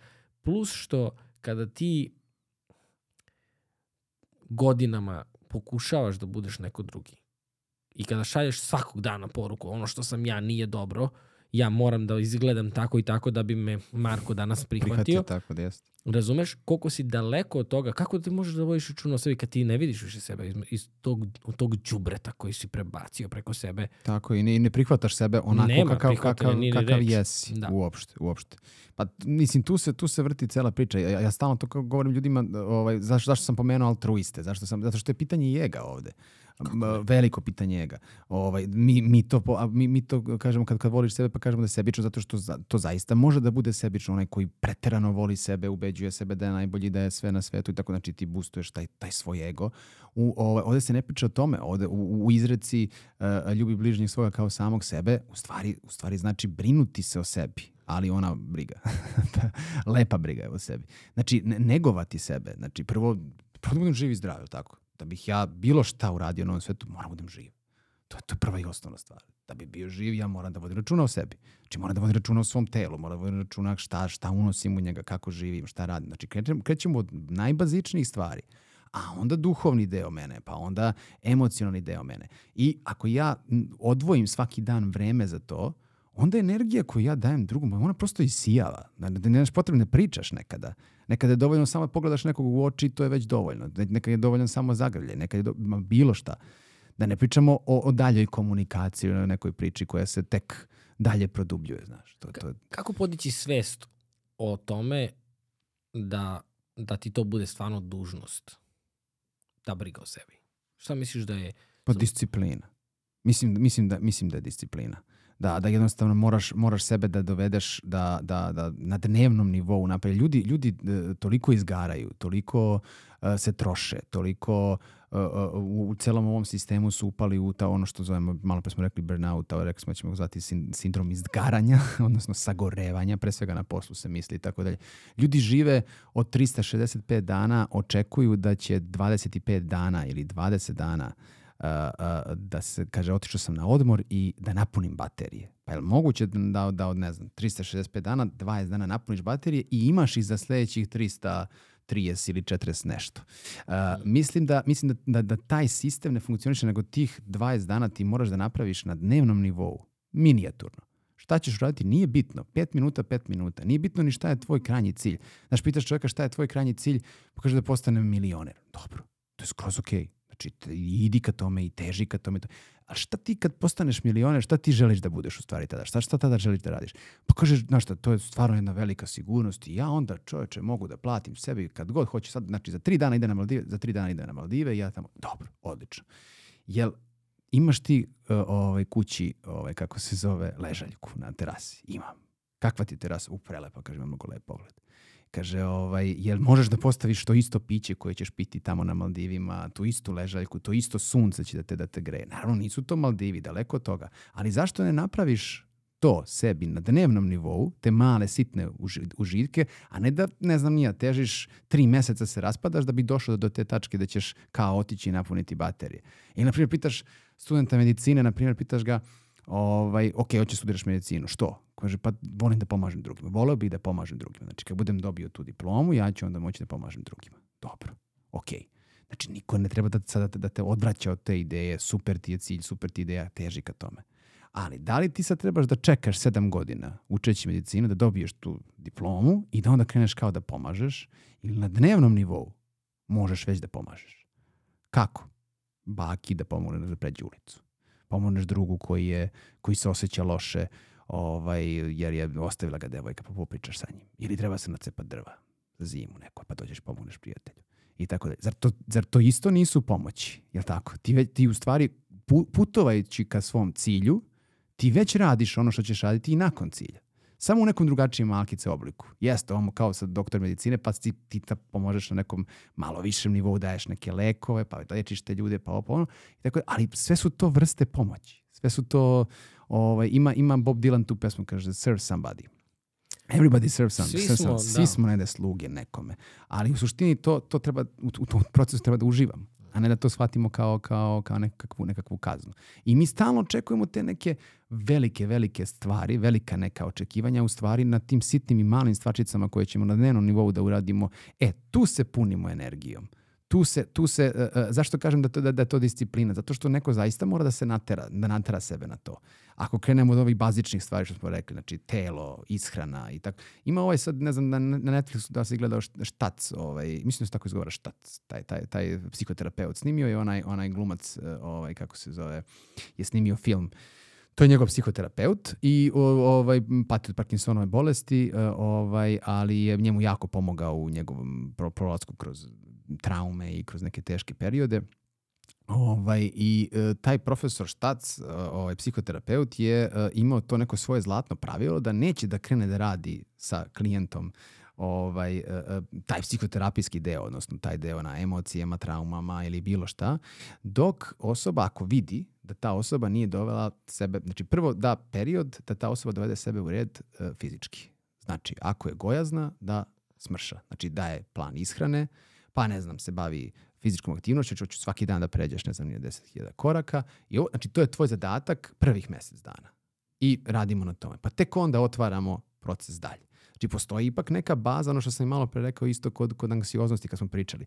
Postoji ta neka, to neko plodno tle koje mora prvo da se napravi da bismo uopšte razvili bilo šta, da bi, da bi bilo kakva biljka porasla na takvom, na takvom zemljištu. Ti moraš prvo da napraviš plodno tle i moraš da znaš šta je to plodno tle. Kod anksioznosti je da se taj napad prvo malkice smiri, pa tek onda da promeniš misli, a ne na silu da, da tada menjaš misli. Ovde ovo što pričam je znači da na neki način prvo dovedem svoje telo u red i, i, i te neke baziče, pa ću onda lako san, jel tako da ne zaboravimo, i to je jako bitna stvar, kako spavam, kako, da li se odmaram dovoljno, pa onda iz toga razvijam sve ono dalje što želim u stvari da dam drugima. Jer ako to nemaš u sebi, kakvu ti onda u stvari energiju daješ drugima? To, to, je, to se postavlja pitanje. Ako si ti unutra, ne osjećaš se dobro, ako se prema sebi ne obhodiš dobro, a kao daješ drugima, šta tu stvari daješ? Kakva je to energija? Koja isključivo iz tebe izlazi, ne, ne, ne dolazi sa neba. Da, da, i mi smo, mi smo energetska bića, znaš, a zanemaruje se to dosta, ali uvek osjećaš, što sam si rekao, neko ima oči, neko uđe u prostoriju, odjednom si, srećni si. Osjećaš, osjetiš si samo energiju. I to nazovemo kao energije. Mislim, treba, Da, da. m- može to se nazove kako god. M- Mistično zvuči, a ne, a ne mora Pa, tako. da, ali, svi smo, kapiram. ali svi smo Da. to nekad osjetili. Osjetili, definitivno. Tako To je ta harizma koju sad ti Harizma, prepoznaješ, ali ovaj, imam, imam dve stvari vezano. Prvo za ovu gojaznost. A, to je jako zanimljivo da se a, koncept gojaznosti, ono što smo primetili u Americi, jer nisam primetio ovde, jer nisam šetao još uvek, ovaj, nisam otišao do nijednog tržnog centra ili bilo šta, ali trenutno su na billboardima, na izlozima a, gojazni ljudi, gojazne devojke u kupaćim kostimima i tako dalje.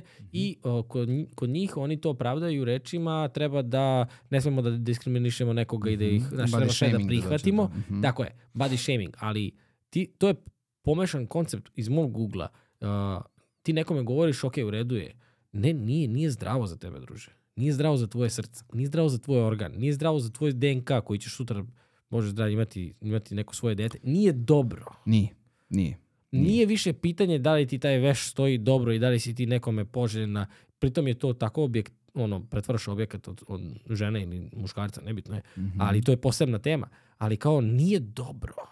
Umesto Ne toga treba treba, da stoji nemojte da vređate ove ljude. To je, To je druga priča. poruka. To je totalno druga priča koja je jedina opravdana u to, a ne da, da se popularizuje to. Ja, ja razumem, to je, pa opet dolazimo do sad gura, dobre, dobre namere.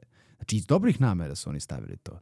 Da pokažu kako i takva osoba može da ima, ne znam ni ja... Nije o, zdravo. ali treba krenemo od Da, bazičnog dopalo nivoa. mi se. Dopalo mi se to što je rekao. A druga stvar vezano za ovaj odmor, ovaj, isto taj jako, jako zanimljivo je naš koncept odmora je uh, šta, si- des, devet, deset ljudi Pa će reći jest. Maldivi. a dobro, da, da, da. Naš, da, da. uh, naš koncept odmora je da odeš i ništa ne radiš. Jest. Koji ljudi imaju najviše energije? Ljudi koji treniraju, ljudi koji su aktivni, Jest. ljudi koji, koji rade o, o što ti ja sad pričam, na svom mentalnom zdravlju, koji sebe, ti ljudi imaju energije. Tako je. Ne oni koji sede po ceo dan. Lenji ljudi su bez energije. Tako je. Lenji ljudi, po znacima Pa lenji navoda. ljudi to u stvari šta god da je. neka, neka, neka početna faza depresije ili, ili, ili Da, da, bilo ne čega, ulazim šta god da je. da li je strah, da li je ovo, Tako nebitno je. tako Ali hoću ti kažem, ljudi koji se ne bave, koji nemaju aktivnost, Mm, su ljudi bez energije. tako je. Znaš, e, mislim, sad neću da zvučim ljudima, ne znam kada ćemo objaviti ovo, ali ja sam pre četiri dana, pre tri dana? Pre tri dana smo sleteli, to jest pre dva dana, to sleteli smo u- u- u- uveče posle 12. Sam spavao tri sata, evo je spavao dva sata možda. Mm. Ej, ovo je aktivnost koja me drži budnim sad. Pašćeš posle Jel me ovoga. razumeš? Da, Pašćeš 100%, 100%, pašću u toku ovoga. Kao i ja, Ali nisam, je- nisam ni ja baš najbolje spavao noćas. Ne, hoću ti kažem, znaš kao stvarno uh, koncept odmora, tih mikroodmora koje si rekao, dopala mi se ideja. Mhm.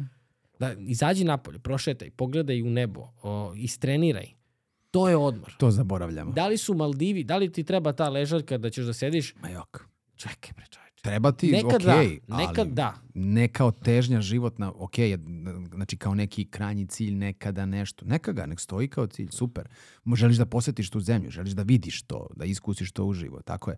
Ali ako to povezuješ sa ovim stvarima o kojima, o kojima ti ja pričamo, ako ti je samo to konekcija, ta, ideš tamo da se resetuješ, idem tamo da napunim baterije, ne.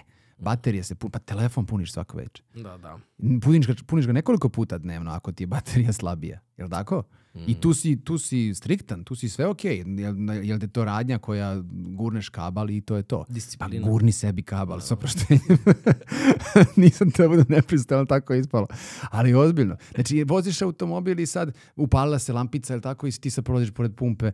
Benzinski, ma, nemam ja vremena za ovo, sad stajem da, da sipam gorivo. I nastaviš da voziš, pa nastavi, pa će ti stane auto posle, posle 3 km. Jel tako? I ugasit će se.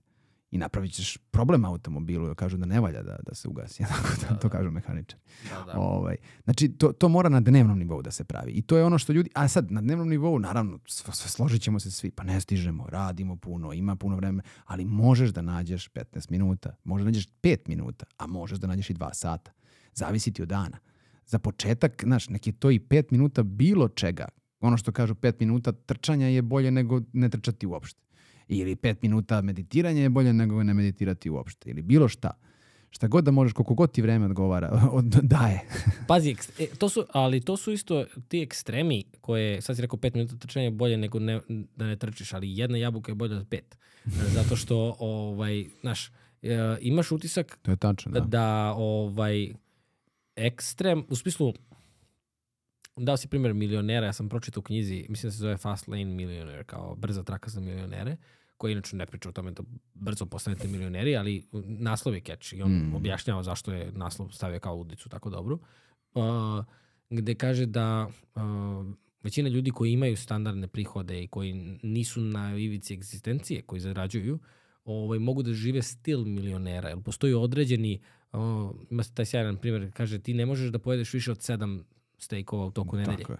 Tako Znaš, je. Znači, postoji određeni nivo gde koji ti kada dostigneš, sad pričamo o tom finansijskom, ali to je za sve, e, ne, ne treba ti toliko koliko misliš da bi stao. Apsolutno. Znaš, taj odmor, o, to punjenje baterije mi je isto jako zanimljivo ovaj, gde, gde ideš u šumu da puniš baterije, a baterije i šuma su dva različita, razumeš? Ali se Litiju. osjećamo, da, da, da, ta cela priča je, je tra, tragična, tragična. Ovaj, ali hoću ti kažem, uh, ti, upravo to što ti imaš utisak da ti treba sat vremena da meditiraš, čekaj, probaj tri minuta. Minut. Za početak. Da. Razume, ali ima i ona, ono kao, a, ako, ako nemaš pola sata vremena da meditiraš, taj dan treba da odvojiš sat vremena. da. Kao to je znak, da, znaš. Da, da, da. ali ovaj, hoću ti kažem samo, ti ekstremi u koje idemo nas dovode do toga da ništa ne uradimo. Jest. Iz krajnosti u krajnost. Da, iskreno pa, Mm. pet jabuka i pet minuta trčanja. To, to ljudi nikada, ovaj, eh, ne znam da li, će, da, li će, da li ćemo ikada naći, ovaj, opet od grčkih filozofa, znači još mnogo dalje, dalje priča se o, o, o potencijalnom balansu i o to, toj nekoj zlatnoj sredini i o tim nekim stvarima koji je negde lako naći, čini mi se da su ove druge nauke mnogo lako to našle, u arhitekturi se to našlo, u prirodi to postoji, ta, ta razmera, srazmera i tako dalje.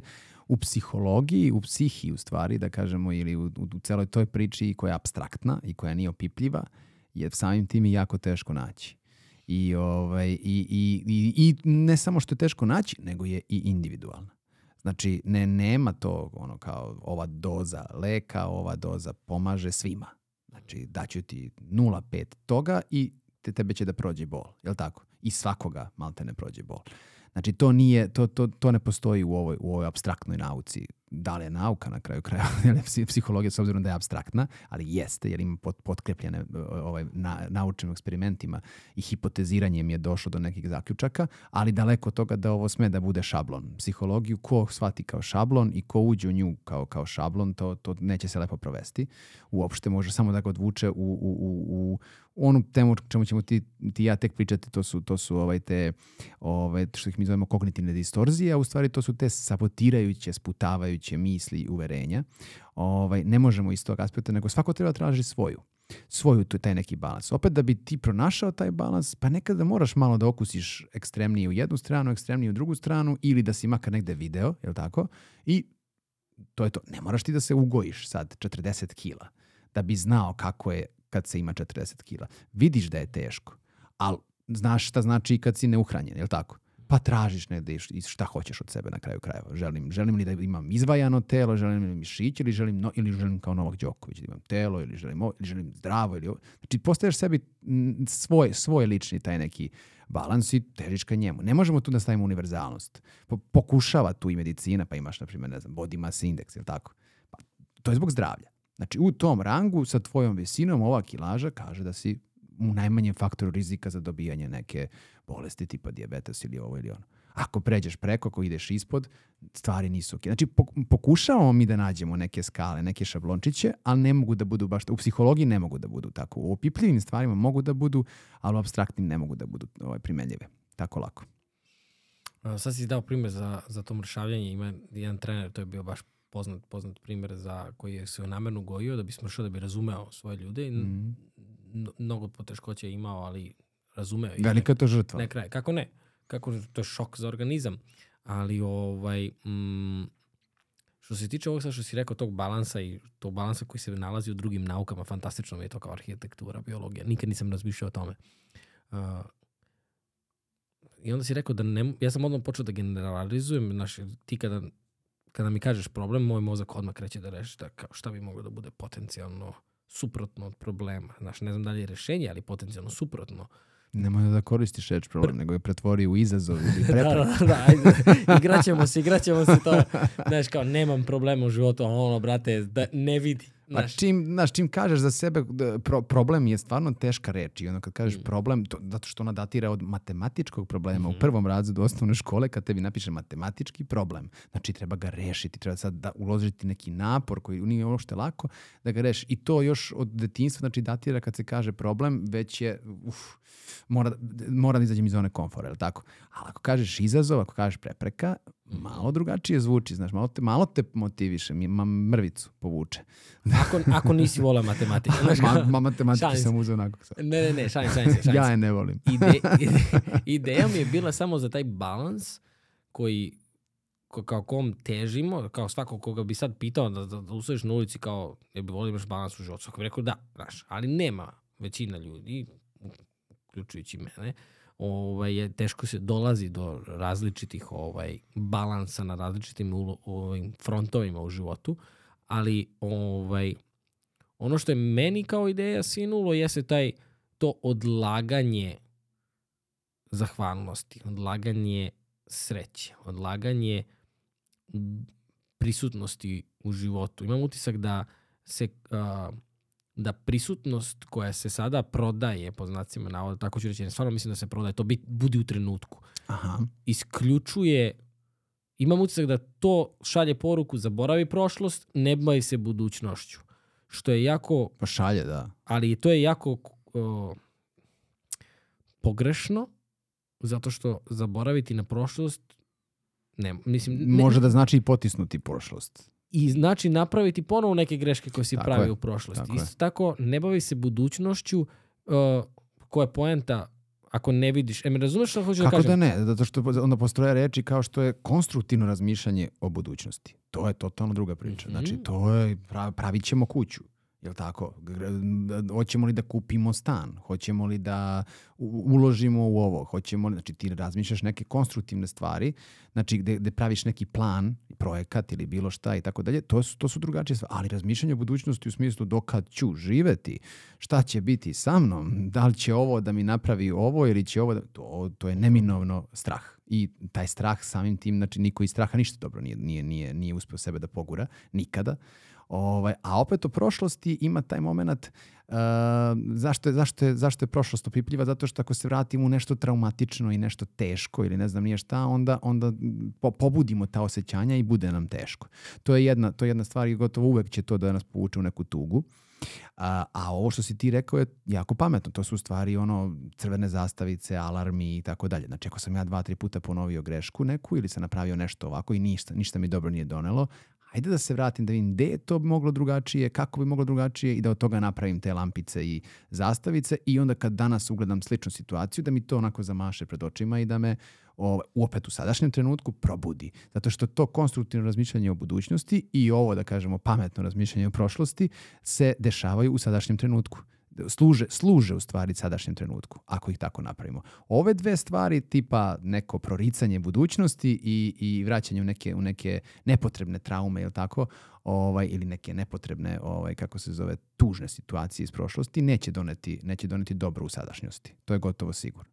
Ali, ovaj, ali mislim, odlično si otvorio tu temu zato što to nije baš tako, tako lako, e, ovaj, i, suviše lako rečeno ovaj, to kao budi u sadašnjem trenutku i bit će sve okej, znaš, to je to. Bitno je biti u sadašnjem trenutku. Upravo To... Mi smo uvek u sadašnjem Da, da. trenutku, mi to zaboravljamo. Da, da. Ali to kao odlaganje i taj um, ne, nemogućnost da se dođe do balansa i upravo sve ovo što si ti sada Jeste. naveo, što je pogre... ja imam utisak da je pogrešno protumačeno sadašnji trenutak koji isključuje sve ostalo, Jeste.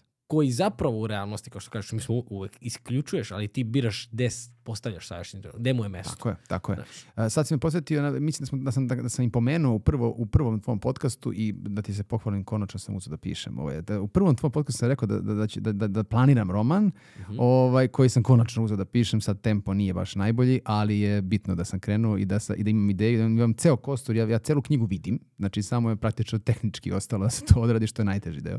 Ovaj, a, pominjao sam ti Epikura, uh, grčkog filozofa, o kome se jako malo zna, jako malo knjiga ostalo, jako malo spisa ostalo. Uh, s tim što je to, to meni daje lepu priliku da mogu da ga i malo isfantaziram i da iskoristim ovaj, u, neke, u neke svrhe, jer, jer, jer ga kroz tu knjigu provlačim kroz san kroz moj san, mislim moj, po znacima navoda, psihoterapeut je glavni, glavni, glavna ličnost ovaj, romana koji u snu e, doživljava, ovaj, kako se zove, susret sa Epikurom i njegovim sledbenicima, jer su oni živjeli u jednoj bašti, izolovani od ostatka Atine.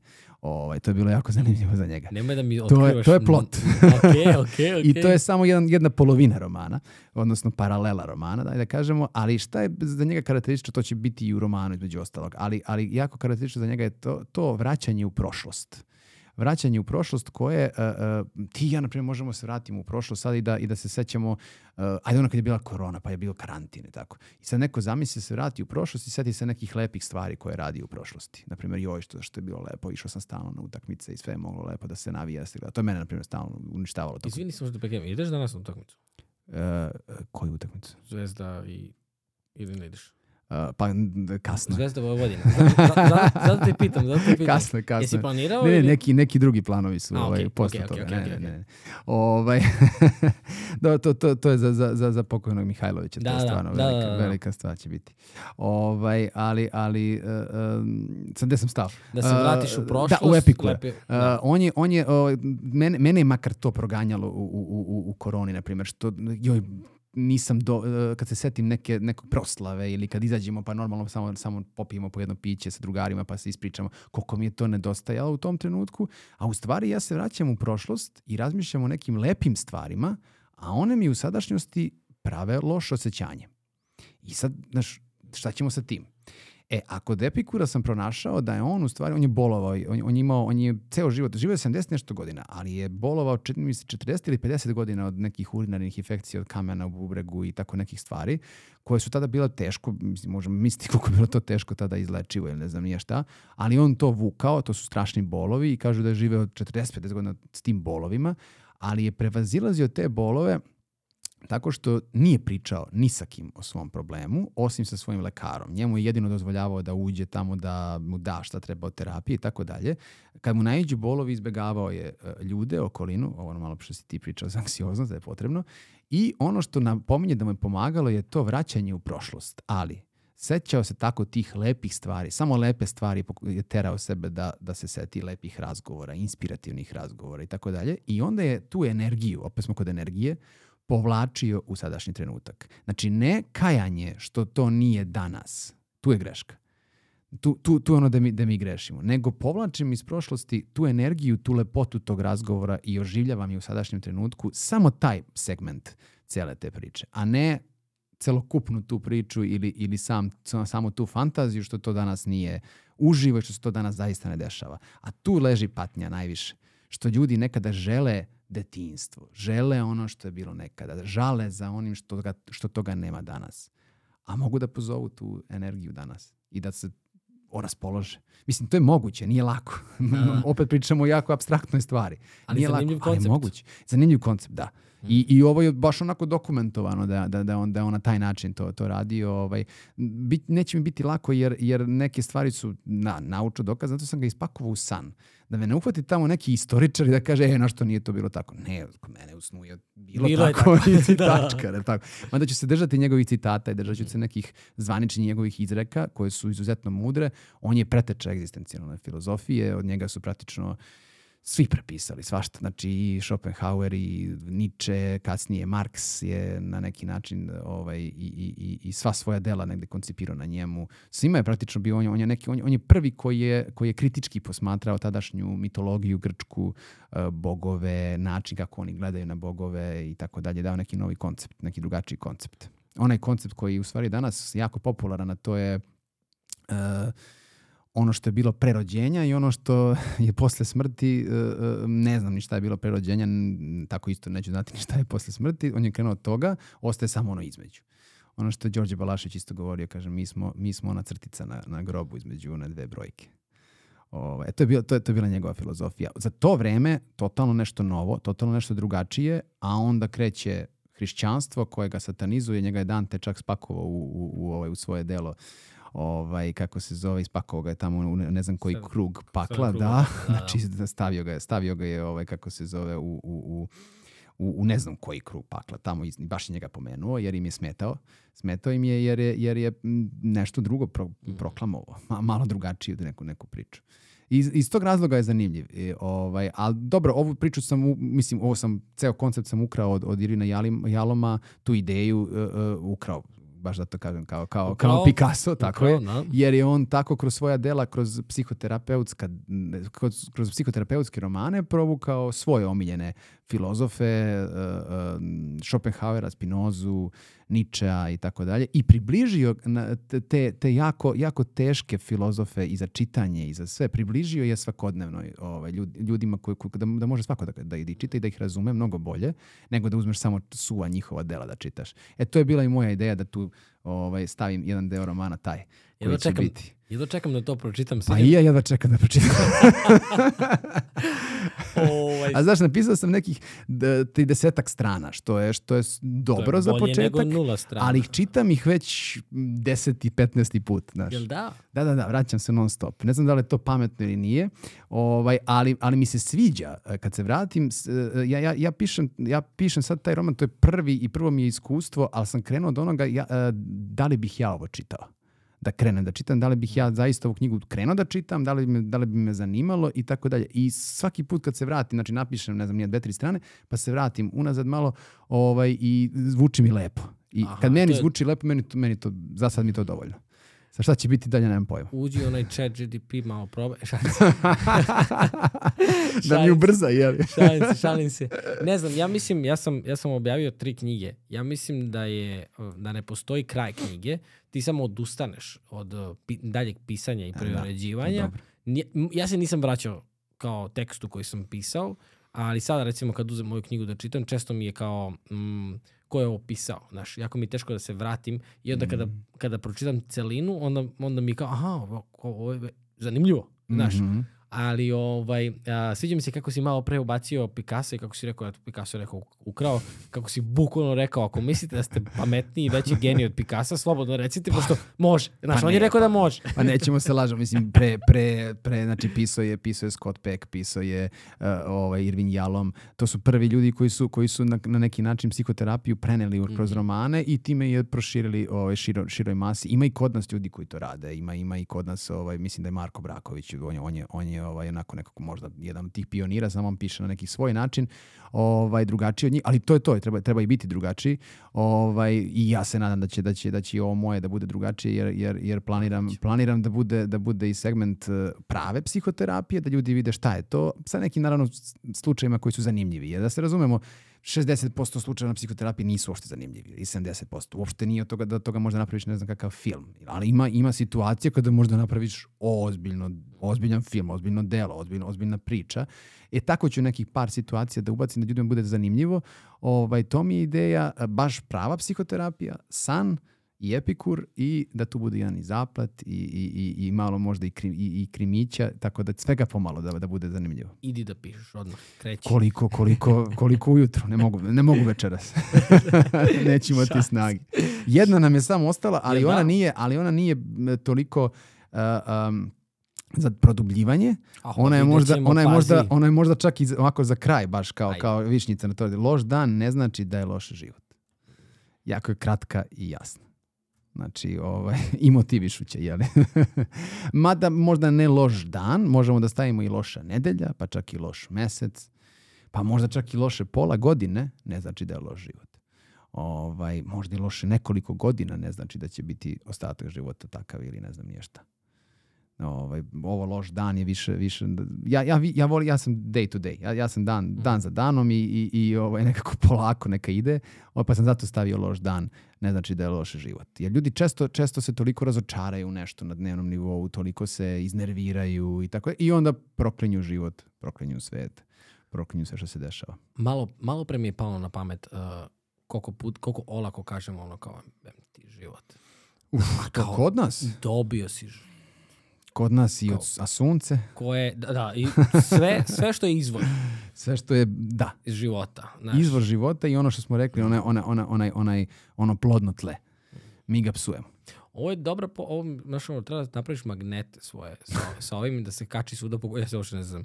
O, ovaj, zato što je jako, jako, dobra, a, jako dobar podsjetnik a, loš dan, ne znači loš život. Zato što prvo, bit će loših dana, a drugo, bit će dobrih dana, znaš, ali ovo je tako jako konkretno, direktno, onako, m, pitao sam te na početku, pitao sam te na, na početku, pitao sam te u jednom trenutku za kako, kako prepoznati ovaj, da, da, da smo recimo, da, da treba da se, da zastanemo, da treba da, da, da, da promenimo naš odnos prema nama samima. Ovo je, ovo je odgovor. Jest, jest, jest, jest. St- stati u ovom momentu i, i, i ne proklinjati dalje, a iz ovoga izvući pouku. Mm. Taj, taj loš dan, mislim, je samo perspektiva lošeg. Ko, ko smo mi da, da odredimo da li je nešto dobro ili da je nešto loše? Mislim, ono što danas smatraš da je, da je loše ili da je bila greška, ispostaviti se kroz, ne znam, nija dve, tri godine da uopšte nije bila greška, nego da ti je u stvari formirala neki put gde si danas zadovoljniji, na primjer. To je, imao je ovaj, kako se zove, Napoleon Hill je to, to imao u svojim knjigama. On je onako malo, malo bavio se tom astralnom projekcijom i tako tim stvarčicama. To je jedan uh, stari, zaboravljeni pisac koji je napisao kratku knjižicu od 70 strana koja se zove Galeb Jonathan Livingston i jedna fenomenalna knjižica koja nema je sad u prodaji, ali to je onako baš onako lagana, lepa, fenomenalna priča. Uh, uh, za to doba neka popularna psihologija koja je njega, njemu dala ogromnu slavu i bogatstvo i onda je tek počeo da piše nešto drugo. I to je ta knjiga uh, Put dugovečnosti, odnosno Most preko dugovečnosti, gde se bavi astralnom projekcijom, odnosno on i njegova supruga, poznata jedna hollywoodska glumica, su se posvetili tome i ovaj, bavili se malo time, ali nebitno ta abstrakcija i to i to, nego... Koji pisac, izvini? Uh, Richard Bach, tako A, se zove. Razumio sam te prvo Napoleon Hill. Jesam rekao Napoleon Hill? Da, Jesam. da. Ne, ne, ne, ne. Richard, da, da li gledam ovaj tvoj, ovaj novac gore, ovaj, pa me to, psihologija novca, pa me to asociralo na Napoleona Hilla kao u fazonu A, okej. iz, iz te branše. Ne, ne, ne, Richard Bach, Richard Bach. Samo ti kažem, kao Napoleon Hill nije toliko kao gotivan lik u suštini. U, daleko od toga. Da, da, da, da. daleko od toga. Nego, nego ovaj, uh, Richard, Richard Bach, uh, njega, njega su ljudi zaboravili, ovaj, sticam okolnosti sam, tu za Galeba Jonathan Livingstona, kažem, to sam, to sam ono, video kao, kao, kao mali pročitao, posle i kao, i kao veći pročitao i fantastično je. O, a, a ovaj put, most preko dugovečnosti sam, sam video u, u, u muzeju Tošeta Proeskog, koji je, koji je ovaj, gde su praktično sve što je ostala njegova zaostavština su preneli u taj muzej i poslednju knjigu koju je čitao pored njegovog stola pre nego što je krenuo na put je bila ta knjiga. I odmah sam isto momenta naručio, kupio, pročitao i mislim ja o tom čoveku imam fenomenalno mišljenje, uh, uh, još više o toj njegove produhovljenosti, o svemu kako, kako je živeo. Jedan, jedan nesrećno ovaj, završeno, preran život, mogu zamisliti šta bi bilo da da, da, je- da je duže živeo. Ovaj, ali me ta knjiga nekako baš, baš ovaj, a, a, a, dala mi jednu perspektivu. Nije sad kao astralna projekcija i to, to su malo onako svačice, ali, ali dala mi perspektivu e, jednu jako lepu, a to je on, on u jednom trenutku kaže, e, navodno on i njegova supruga sede u avionu i izdižu se iznad, jer on je bio i pilot. Ovaj, izdižu se, ovaj, kako se zove, iznad ne, negde gore u nebo, ali to su oni avioni gde, gde nema, nisi pokriven gore, nego možda vidiš iz aviona. Kao oni stari avioni. I kaže, zamisli sad kad pogledaš dole svoj život i kaže, ti u stvari vidiš jednu isprepletanu paukovu mrežu tvojih životnih puteva, tvojih neodigranih životnih puteva, a vidi se jedna žuta linija koja ide cik-cak, levo, desno, tamo, vamo, pro, probija se i tako dalje. E, to je tvoj život. Ta žuta linija je tvoj život, onaj koji živiš. A sve ovo ostalo sivkasto su e, tvoji neproživljeni životi. Jer si ti na određenim raskrsnicama života izabrao ovaj put, a ne levo, ne desno, ne pravo, ne, ne, ne nisi ono, sedam izlaza na kružnom toku, ti si baš iza, izabrao ovaj treći. I krenuo si iz nekog razloga, si ga izabrao i krenuo si. Da li je to bila greška ili je to bila tvoja intuicija, ili je bila odluka, ili je te neko naterao, nešto se desilo, ali si krenuo tim putem. Pa si došao opet do neke raskrsnice, pa si otišao dalje. Si izabrao dalje. I sad, ko je taj ko sme da tvrdi da je ona raskrsnica tri, treća ili četvrta pre, uh, bila greška? Ako si ti danas dobio ovaj, ne, nešto, nešto što danas ceniš ili poštuješ ili ne znam nije šta. Znaš. O, o, o, dobra priča. Ovo je dub- duboka priča koja nekada može da bude isceljujuća. a, a, a, ovaj, ja sam često razmišljao a, koliko u mom životu a, a, moji roditelji su moji roditelji su iz Čačka. Ovo sam malo intimna priča, onako, ovaj moji roditelji su iz Čačka, a, a, ovaj, ali su se doselili u Bajnu Baštu da žive. I e, ovaj, e, tih 90. godina e, tata se lomio da li da iz, posle što su oboje lekari, ovaj, da li da krene da radi privatno ili, ili da ostane da radi u, u, domu zdravlja. To je onako bila njegova, njegova ovaj, lo- lomljava po glavi, još su to bile teške godine i tako dalje.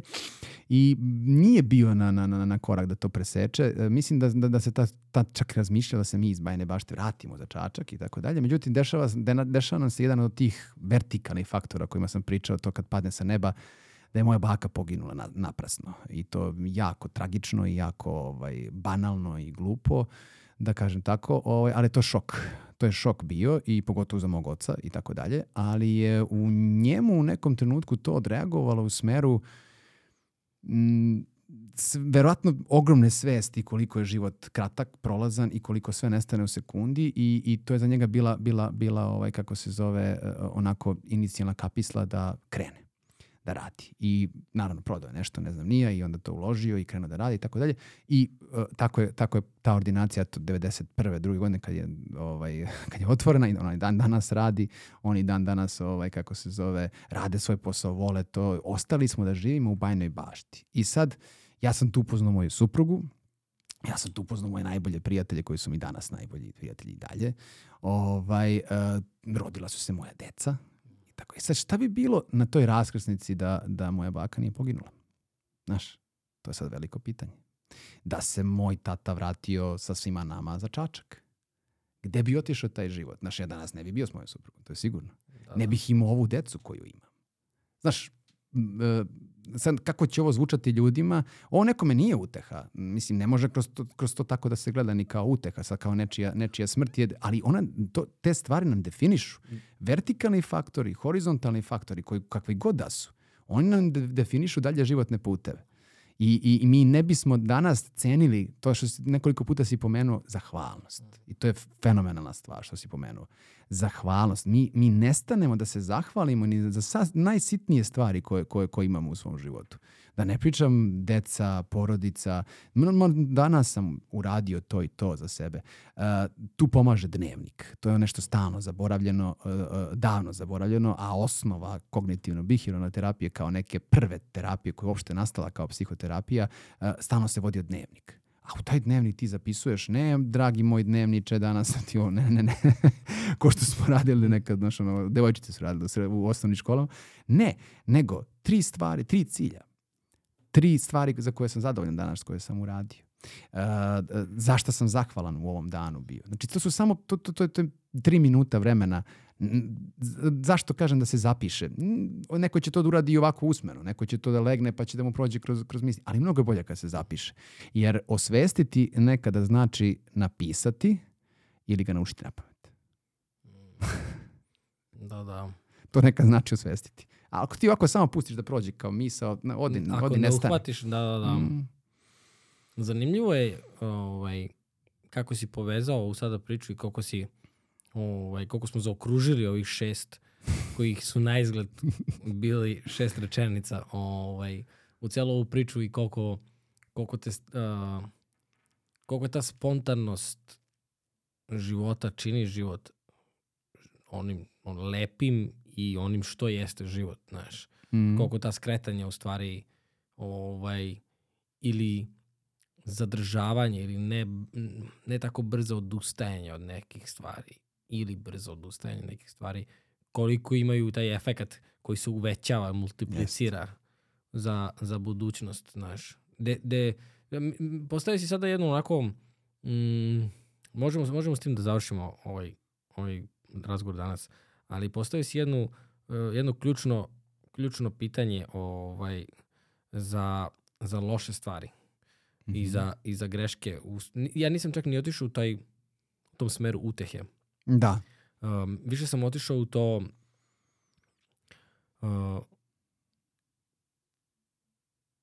o, o, da, o, o, sad si rekao da je osvešćeno znači da nešto naučiš na pamet, ali uh, n- osvešćenost je, kro- sad mi se proči kroz cijel razgovor naš, je to prihvatanje, ali pravo značenje prihvatanja, ne pomirenje sa nečim da je nešto konstantno, jer ništa u životu nije konstantno i sve se menja, ali to prihvatanje i, uh, i delovanje. Tako je. Tako je. Pa na kraju, eto, kre- krenu smo od, od, od terapije koja I- se tako zove. I vrat, da, da. Kod nas ne postoji, nažalost još uvek, mada eto, mi, mi, mi imamo tu slobodu da, da koristimo ovaj, neke alat, alate ili sve što čujemo na neki način, a znamo da primimo non nostere, znaš, sam, bitno, bitno je da nekome ne naudiš. To je najbitnije. To je, to je osnova i, i medicine i psihoterapije. Ne nauditi klijentu. Ekologija. Da, uopšte, tako je. Ovaj, e, prihvatanje i delovanje. Džaba i prihvatanje ako nema, ako nema delovanja. I to, i to je, i to je jako, ja, znači nije dovoljno samo da prihvatimo, a opet kad kažemo prihvatanje, moramo uvek u našem jeziku da pazimo šta pričamo ili da napominjemo i dodatno objašnjavamo šta da radimo. Mislim, naš jezik je prelep jezik, a, nigde na svetu nema da jedno slovo, jedan glas, mislim, to je jedna fantastična stvar, ovaj, ali e, ovo, ovo nema toliko veze sa našim jezikom koliko sa, koliko sa tim nekim ovaj, objašnjenjima nekih stvari, jer mi, nažalost, psihologija ide svojim tokom, e, lingvistika ide svojim tokom, tu se nisu ni pratili, jel tako, u celoj toj priči. Ovaj, e, nije se naš narod toliko bavio psihom na taj način da bi, im- da bi im pripisivao neke određene reči. Kod nas je on je lud, on je šuntav. On je ovakav, on je onakav. Znaš, mi imamo te neke izreke, to, to, to je katastrofa. Mi za kafu imamo 17 izraza. Da, da, da, da. Bespotrebno. Ali mi smo imali nešto drugo. Mi smo imali narodne izreke. I to je ono što je Vuk Karadžić skupljao. I te narodne izreke stvarno, eto, ogroman broj njih objašnjava u stvari psihološke neke stvari koje su se dešavale. Neke su stvarno sputavajuće i to je neka druga tema, je tako? Ovaj, a imaš i ono, znaš, ranije u našim selima je bilo, ne znam, doveo si devoj, de, zaljubio si se ili imaš devojku. Odmah te pitaju kakav je, iz koje porodice, Odakle? odakle je, Čija koja je, čija je. I onda kreću da kopaju po, po uh, onome što mi zovemo genogram, a to je u stvari rodoslovno stablo koje, koje, koje se gleda u stvari zato što uh, to transgeneracijski, odnosno ono što se spušta kroz, kroz rodoslovno stablo se prenosi sa kolena na koleno. Neki obrazci ponašanja, uh, kocka, bolesti zavisnosti, neke genetske bolesti, do odnosa.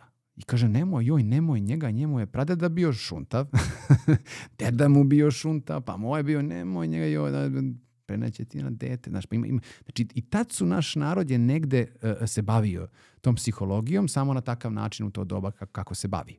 I to je ostalo do dana današnjeg. Ovaj, samo što mi to eto danas izdižemo na neki, na neki viši nivo, opet krademo, je tako? Ali pravimo toga, na, pra- pravimo toga nauku i nekako pravimo da, da bude lepše, prihvatljivije i da bude uklopljenije. Mm, Opipljivije, kao što si rekao. Da, Mm. super, super. Ej, hvala ti puno. Pa, da, mislim, meni je sad- ovo danas bio kao onaj kajak što smo pomenuli malo prije, ono plu- plutanje po reci. Ovaj, nekako smo pustili da nas nosi. Ovaj, e, e, jeste da smo se držali ovih šest koncepta, ali, ali ovaj, e, e, pustili smo da, da, da, da ide kajak, a povremeno smo ga malkice samo navlačili. na Samo malo usmeravali, ali Pa ovaj, nećemo se nas učem. Ne, pazi, razgovori sa tobom su mi stvarno ovaj, uvek uh, um, produbljujući i, i vode me tako u neke, ne, neke moje uh, delove mozga u koje ne zalazim često, znaš. Ne znam da li je ovaj, to... Uh, Vidiš kako je meni. Dobro, da, da, da. Ne, ne, šal, šalu na stranu. Stvarno je, ovaj, stvarno je lepo je pričati s tobom o, o, o ovim stvarima. E, jako bi mi korisno, znaš, i drago mi je što beležimo. Ovaj, definitivno, definitivno bih volao da pričam s tobom i da kamere nisu uključene i, ovaj, kad, i kad si došao, ja o, ne, ne pričam Pa dva sata nismo počeli da da, pričamo. da. Ne, n- mislim da si ti jedina osoba sa kojom ja ne uđem odmah u studio. Ovaj, to se desilo i prvi put smo sedeli i pričali. Uh, ja uglavnom podcasti se i snimaju tako što, pogotovo ako, ako ovaj, nekog znam, pa onda ne moram da, Mhm. da, da topim taj prvi ledeni breg dok, dok ne uđemo u priču da izgleda ovako. Ovaj, pa moram malo da, da se upoznamo. Ali ovaj, u, u, uglavnom uvek uđem i snimim jer mi je to važno da, da se sve zabeleži, ali sa tobom je to uh, postaje ne toliko važno, ne da ne bih volao da se zabeleži, voleo bih, ali jednostavno razgovori sami idu. Takav utisak imam Mm. ovaj, sa tobom. I ne, ne samo razgovori, nego dubina razgovora i a, preispitivanje onoga što pričamo mi je na- onako alarmantno mi je, tu mi je, stoji mi, naš sve što uzima. Ali to je zahvaljujući tebi, ti, ti, ovaj, ti, ti um, dobro slušaš i dobra, i dobra pitanja postavljaš i dobro se uključuješ i mislim da je to, to u tvom podcastu ono što je stvarno ovaj, naj, naj, najvažnija stvar i naj, najbolja stvar i to te izdiže u odnosu na, na, na, na, na, ove, na ove ostale ovaj, podcastere, iskreno ti kažem. I harizma. I harizma, naravno. da, da, da. Šalim se, ne, hvala ti puno. Ne znam koliki ti je procenat, ovaj, um, um, kako se zove, ono, koliko te prate žena, koliko te prate muškarci. Ne znam, to, to nismo proveravali. ja na ne. Instagramu imam, znaš, ja tačno Da, znam, da. meni je 85% žena. Jel da? Znači, da, da, da, 80% žena. Dobro, žene su i uh, trenutno mislim da se više okreću ka tom radu na sebi nego, nego muškarci, Pa su. ali se, bu, znam kod recimo na radionicama, ovaj, kod Siniše, znam da su uglavnom u početku bile sam malte ne isključivo žene, sada ima dosta i i Muškaraca. Uh, normalizovalo se da i muškarac Jest, može plakati. Jest, jest, mnogo je drugačije, da. ovaj, druge priče, znaš, ali Mm. Uh, hvala ti za ovo što si rekao, ove, ove stvari. uh, ja sam, kada smo krenuli da radimo, o, to, to sam rekao isto nekoliko navrata, ja nisam dobro slušao. Do, jedini razlog zašto sam ja čutao i od samog početka, danas mnogo, mnogo više ćutim ovaj, nego inače, nego ranije u stvari, ali kako se zove što sam čutao, jer nismo imali opremu da ja mogu da te sečem non stop i da Aha, upadam. aha, aha. I onda sam ja shvatio, ako upadam non stop, onda imam deset puta više posla. I onda sam rekao, ok, čutat ću. Mhm. I zapravo to čutanje je mnogo bolje od bilo kog pitanja koje mogu postaviti, znaš. Ali ovaj uh, razgovor sa tobom mi nije razgovor intervjua. Znaš, nije intervju model razgovora. Razgovor s tobom je razgovor. I to je ono ka čemu ja težim u ovom podcastu.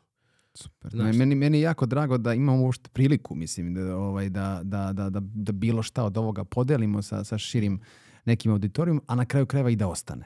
To što ti kažeš, jer sve ovo, mislim, sam ako ti ne obrišeš, ovaj, ili ako Se te ne, ne obrišu. Da, da, da. Ovaj, ali, ali ovo ostaje, mislim. Mhm. Danas, danas je ovo što je na internetu, to, to ostaje i negde, ne, ne- negde to i nas, eh, sve koje ti pozoveš ovde ovaj, na ovaj razgovor, čini, čini, ajde da kažem uslovno rečeno besmrtnima, u smislu, u smislu da će neka reč ostati iza nas, da će nešto što smo mi mislili, razmišljali, prošli, neko iskustvo naše koje smo podelili sa ljudima, da će, da će ostati ti. Možda nisi ni svestan koliko veliku stvar radiš sa ovim što radiš. Hvala ti, hvala ti, da, da. To, ovo, ovo je baš prijelo sada. Ima, da, da.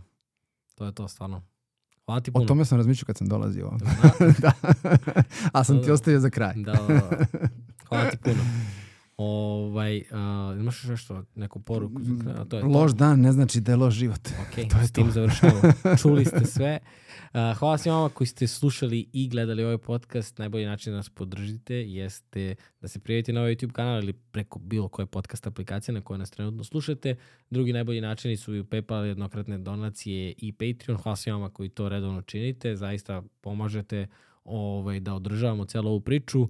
I hvala vam puno, zaista. U komentarima pišite uh, kako, kako se vi borite sa nekim uh, dnevnim, svakodnevnim poteškoćama, uh, da li vam je, šta vam je od ovoga bilo korisno, šta ćete primetiti. Podelite vaše iskustvo kao što je i, i sada Marko rekao, uh, svako deljenje iskustva znači i ostaje i neko će možda za četiri godine da pročita komentare kaže e, nisam sam, ovo mi super, znači mi i nešto mogu da promenim. Tako da i vi utičete u kreiranju ovog sadržaja. Uh, I tebi stvarno hvala puno. Ovaj, ja da čekam naš... Nema čemu. naš I ja, ja, ja, ja. Ćao.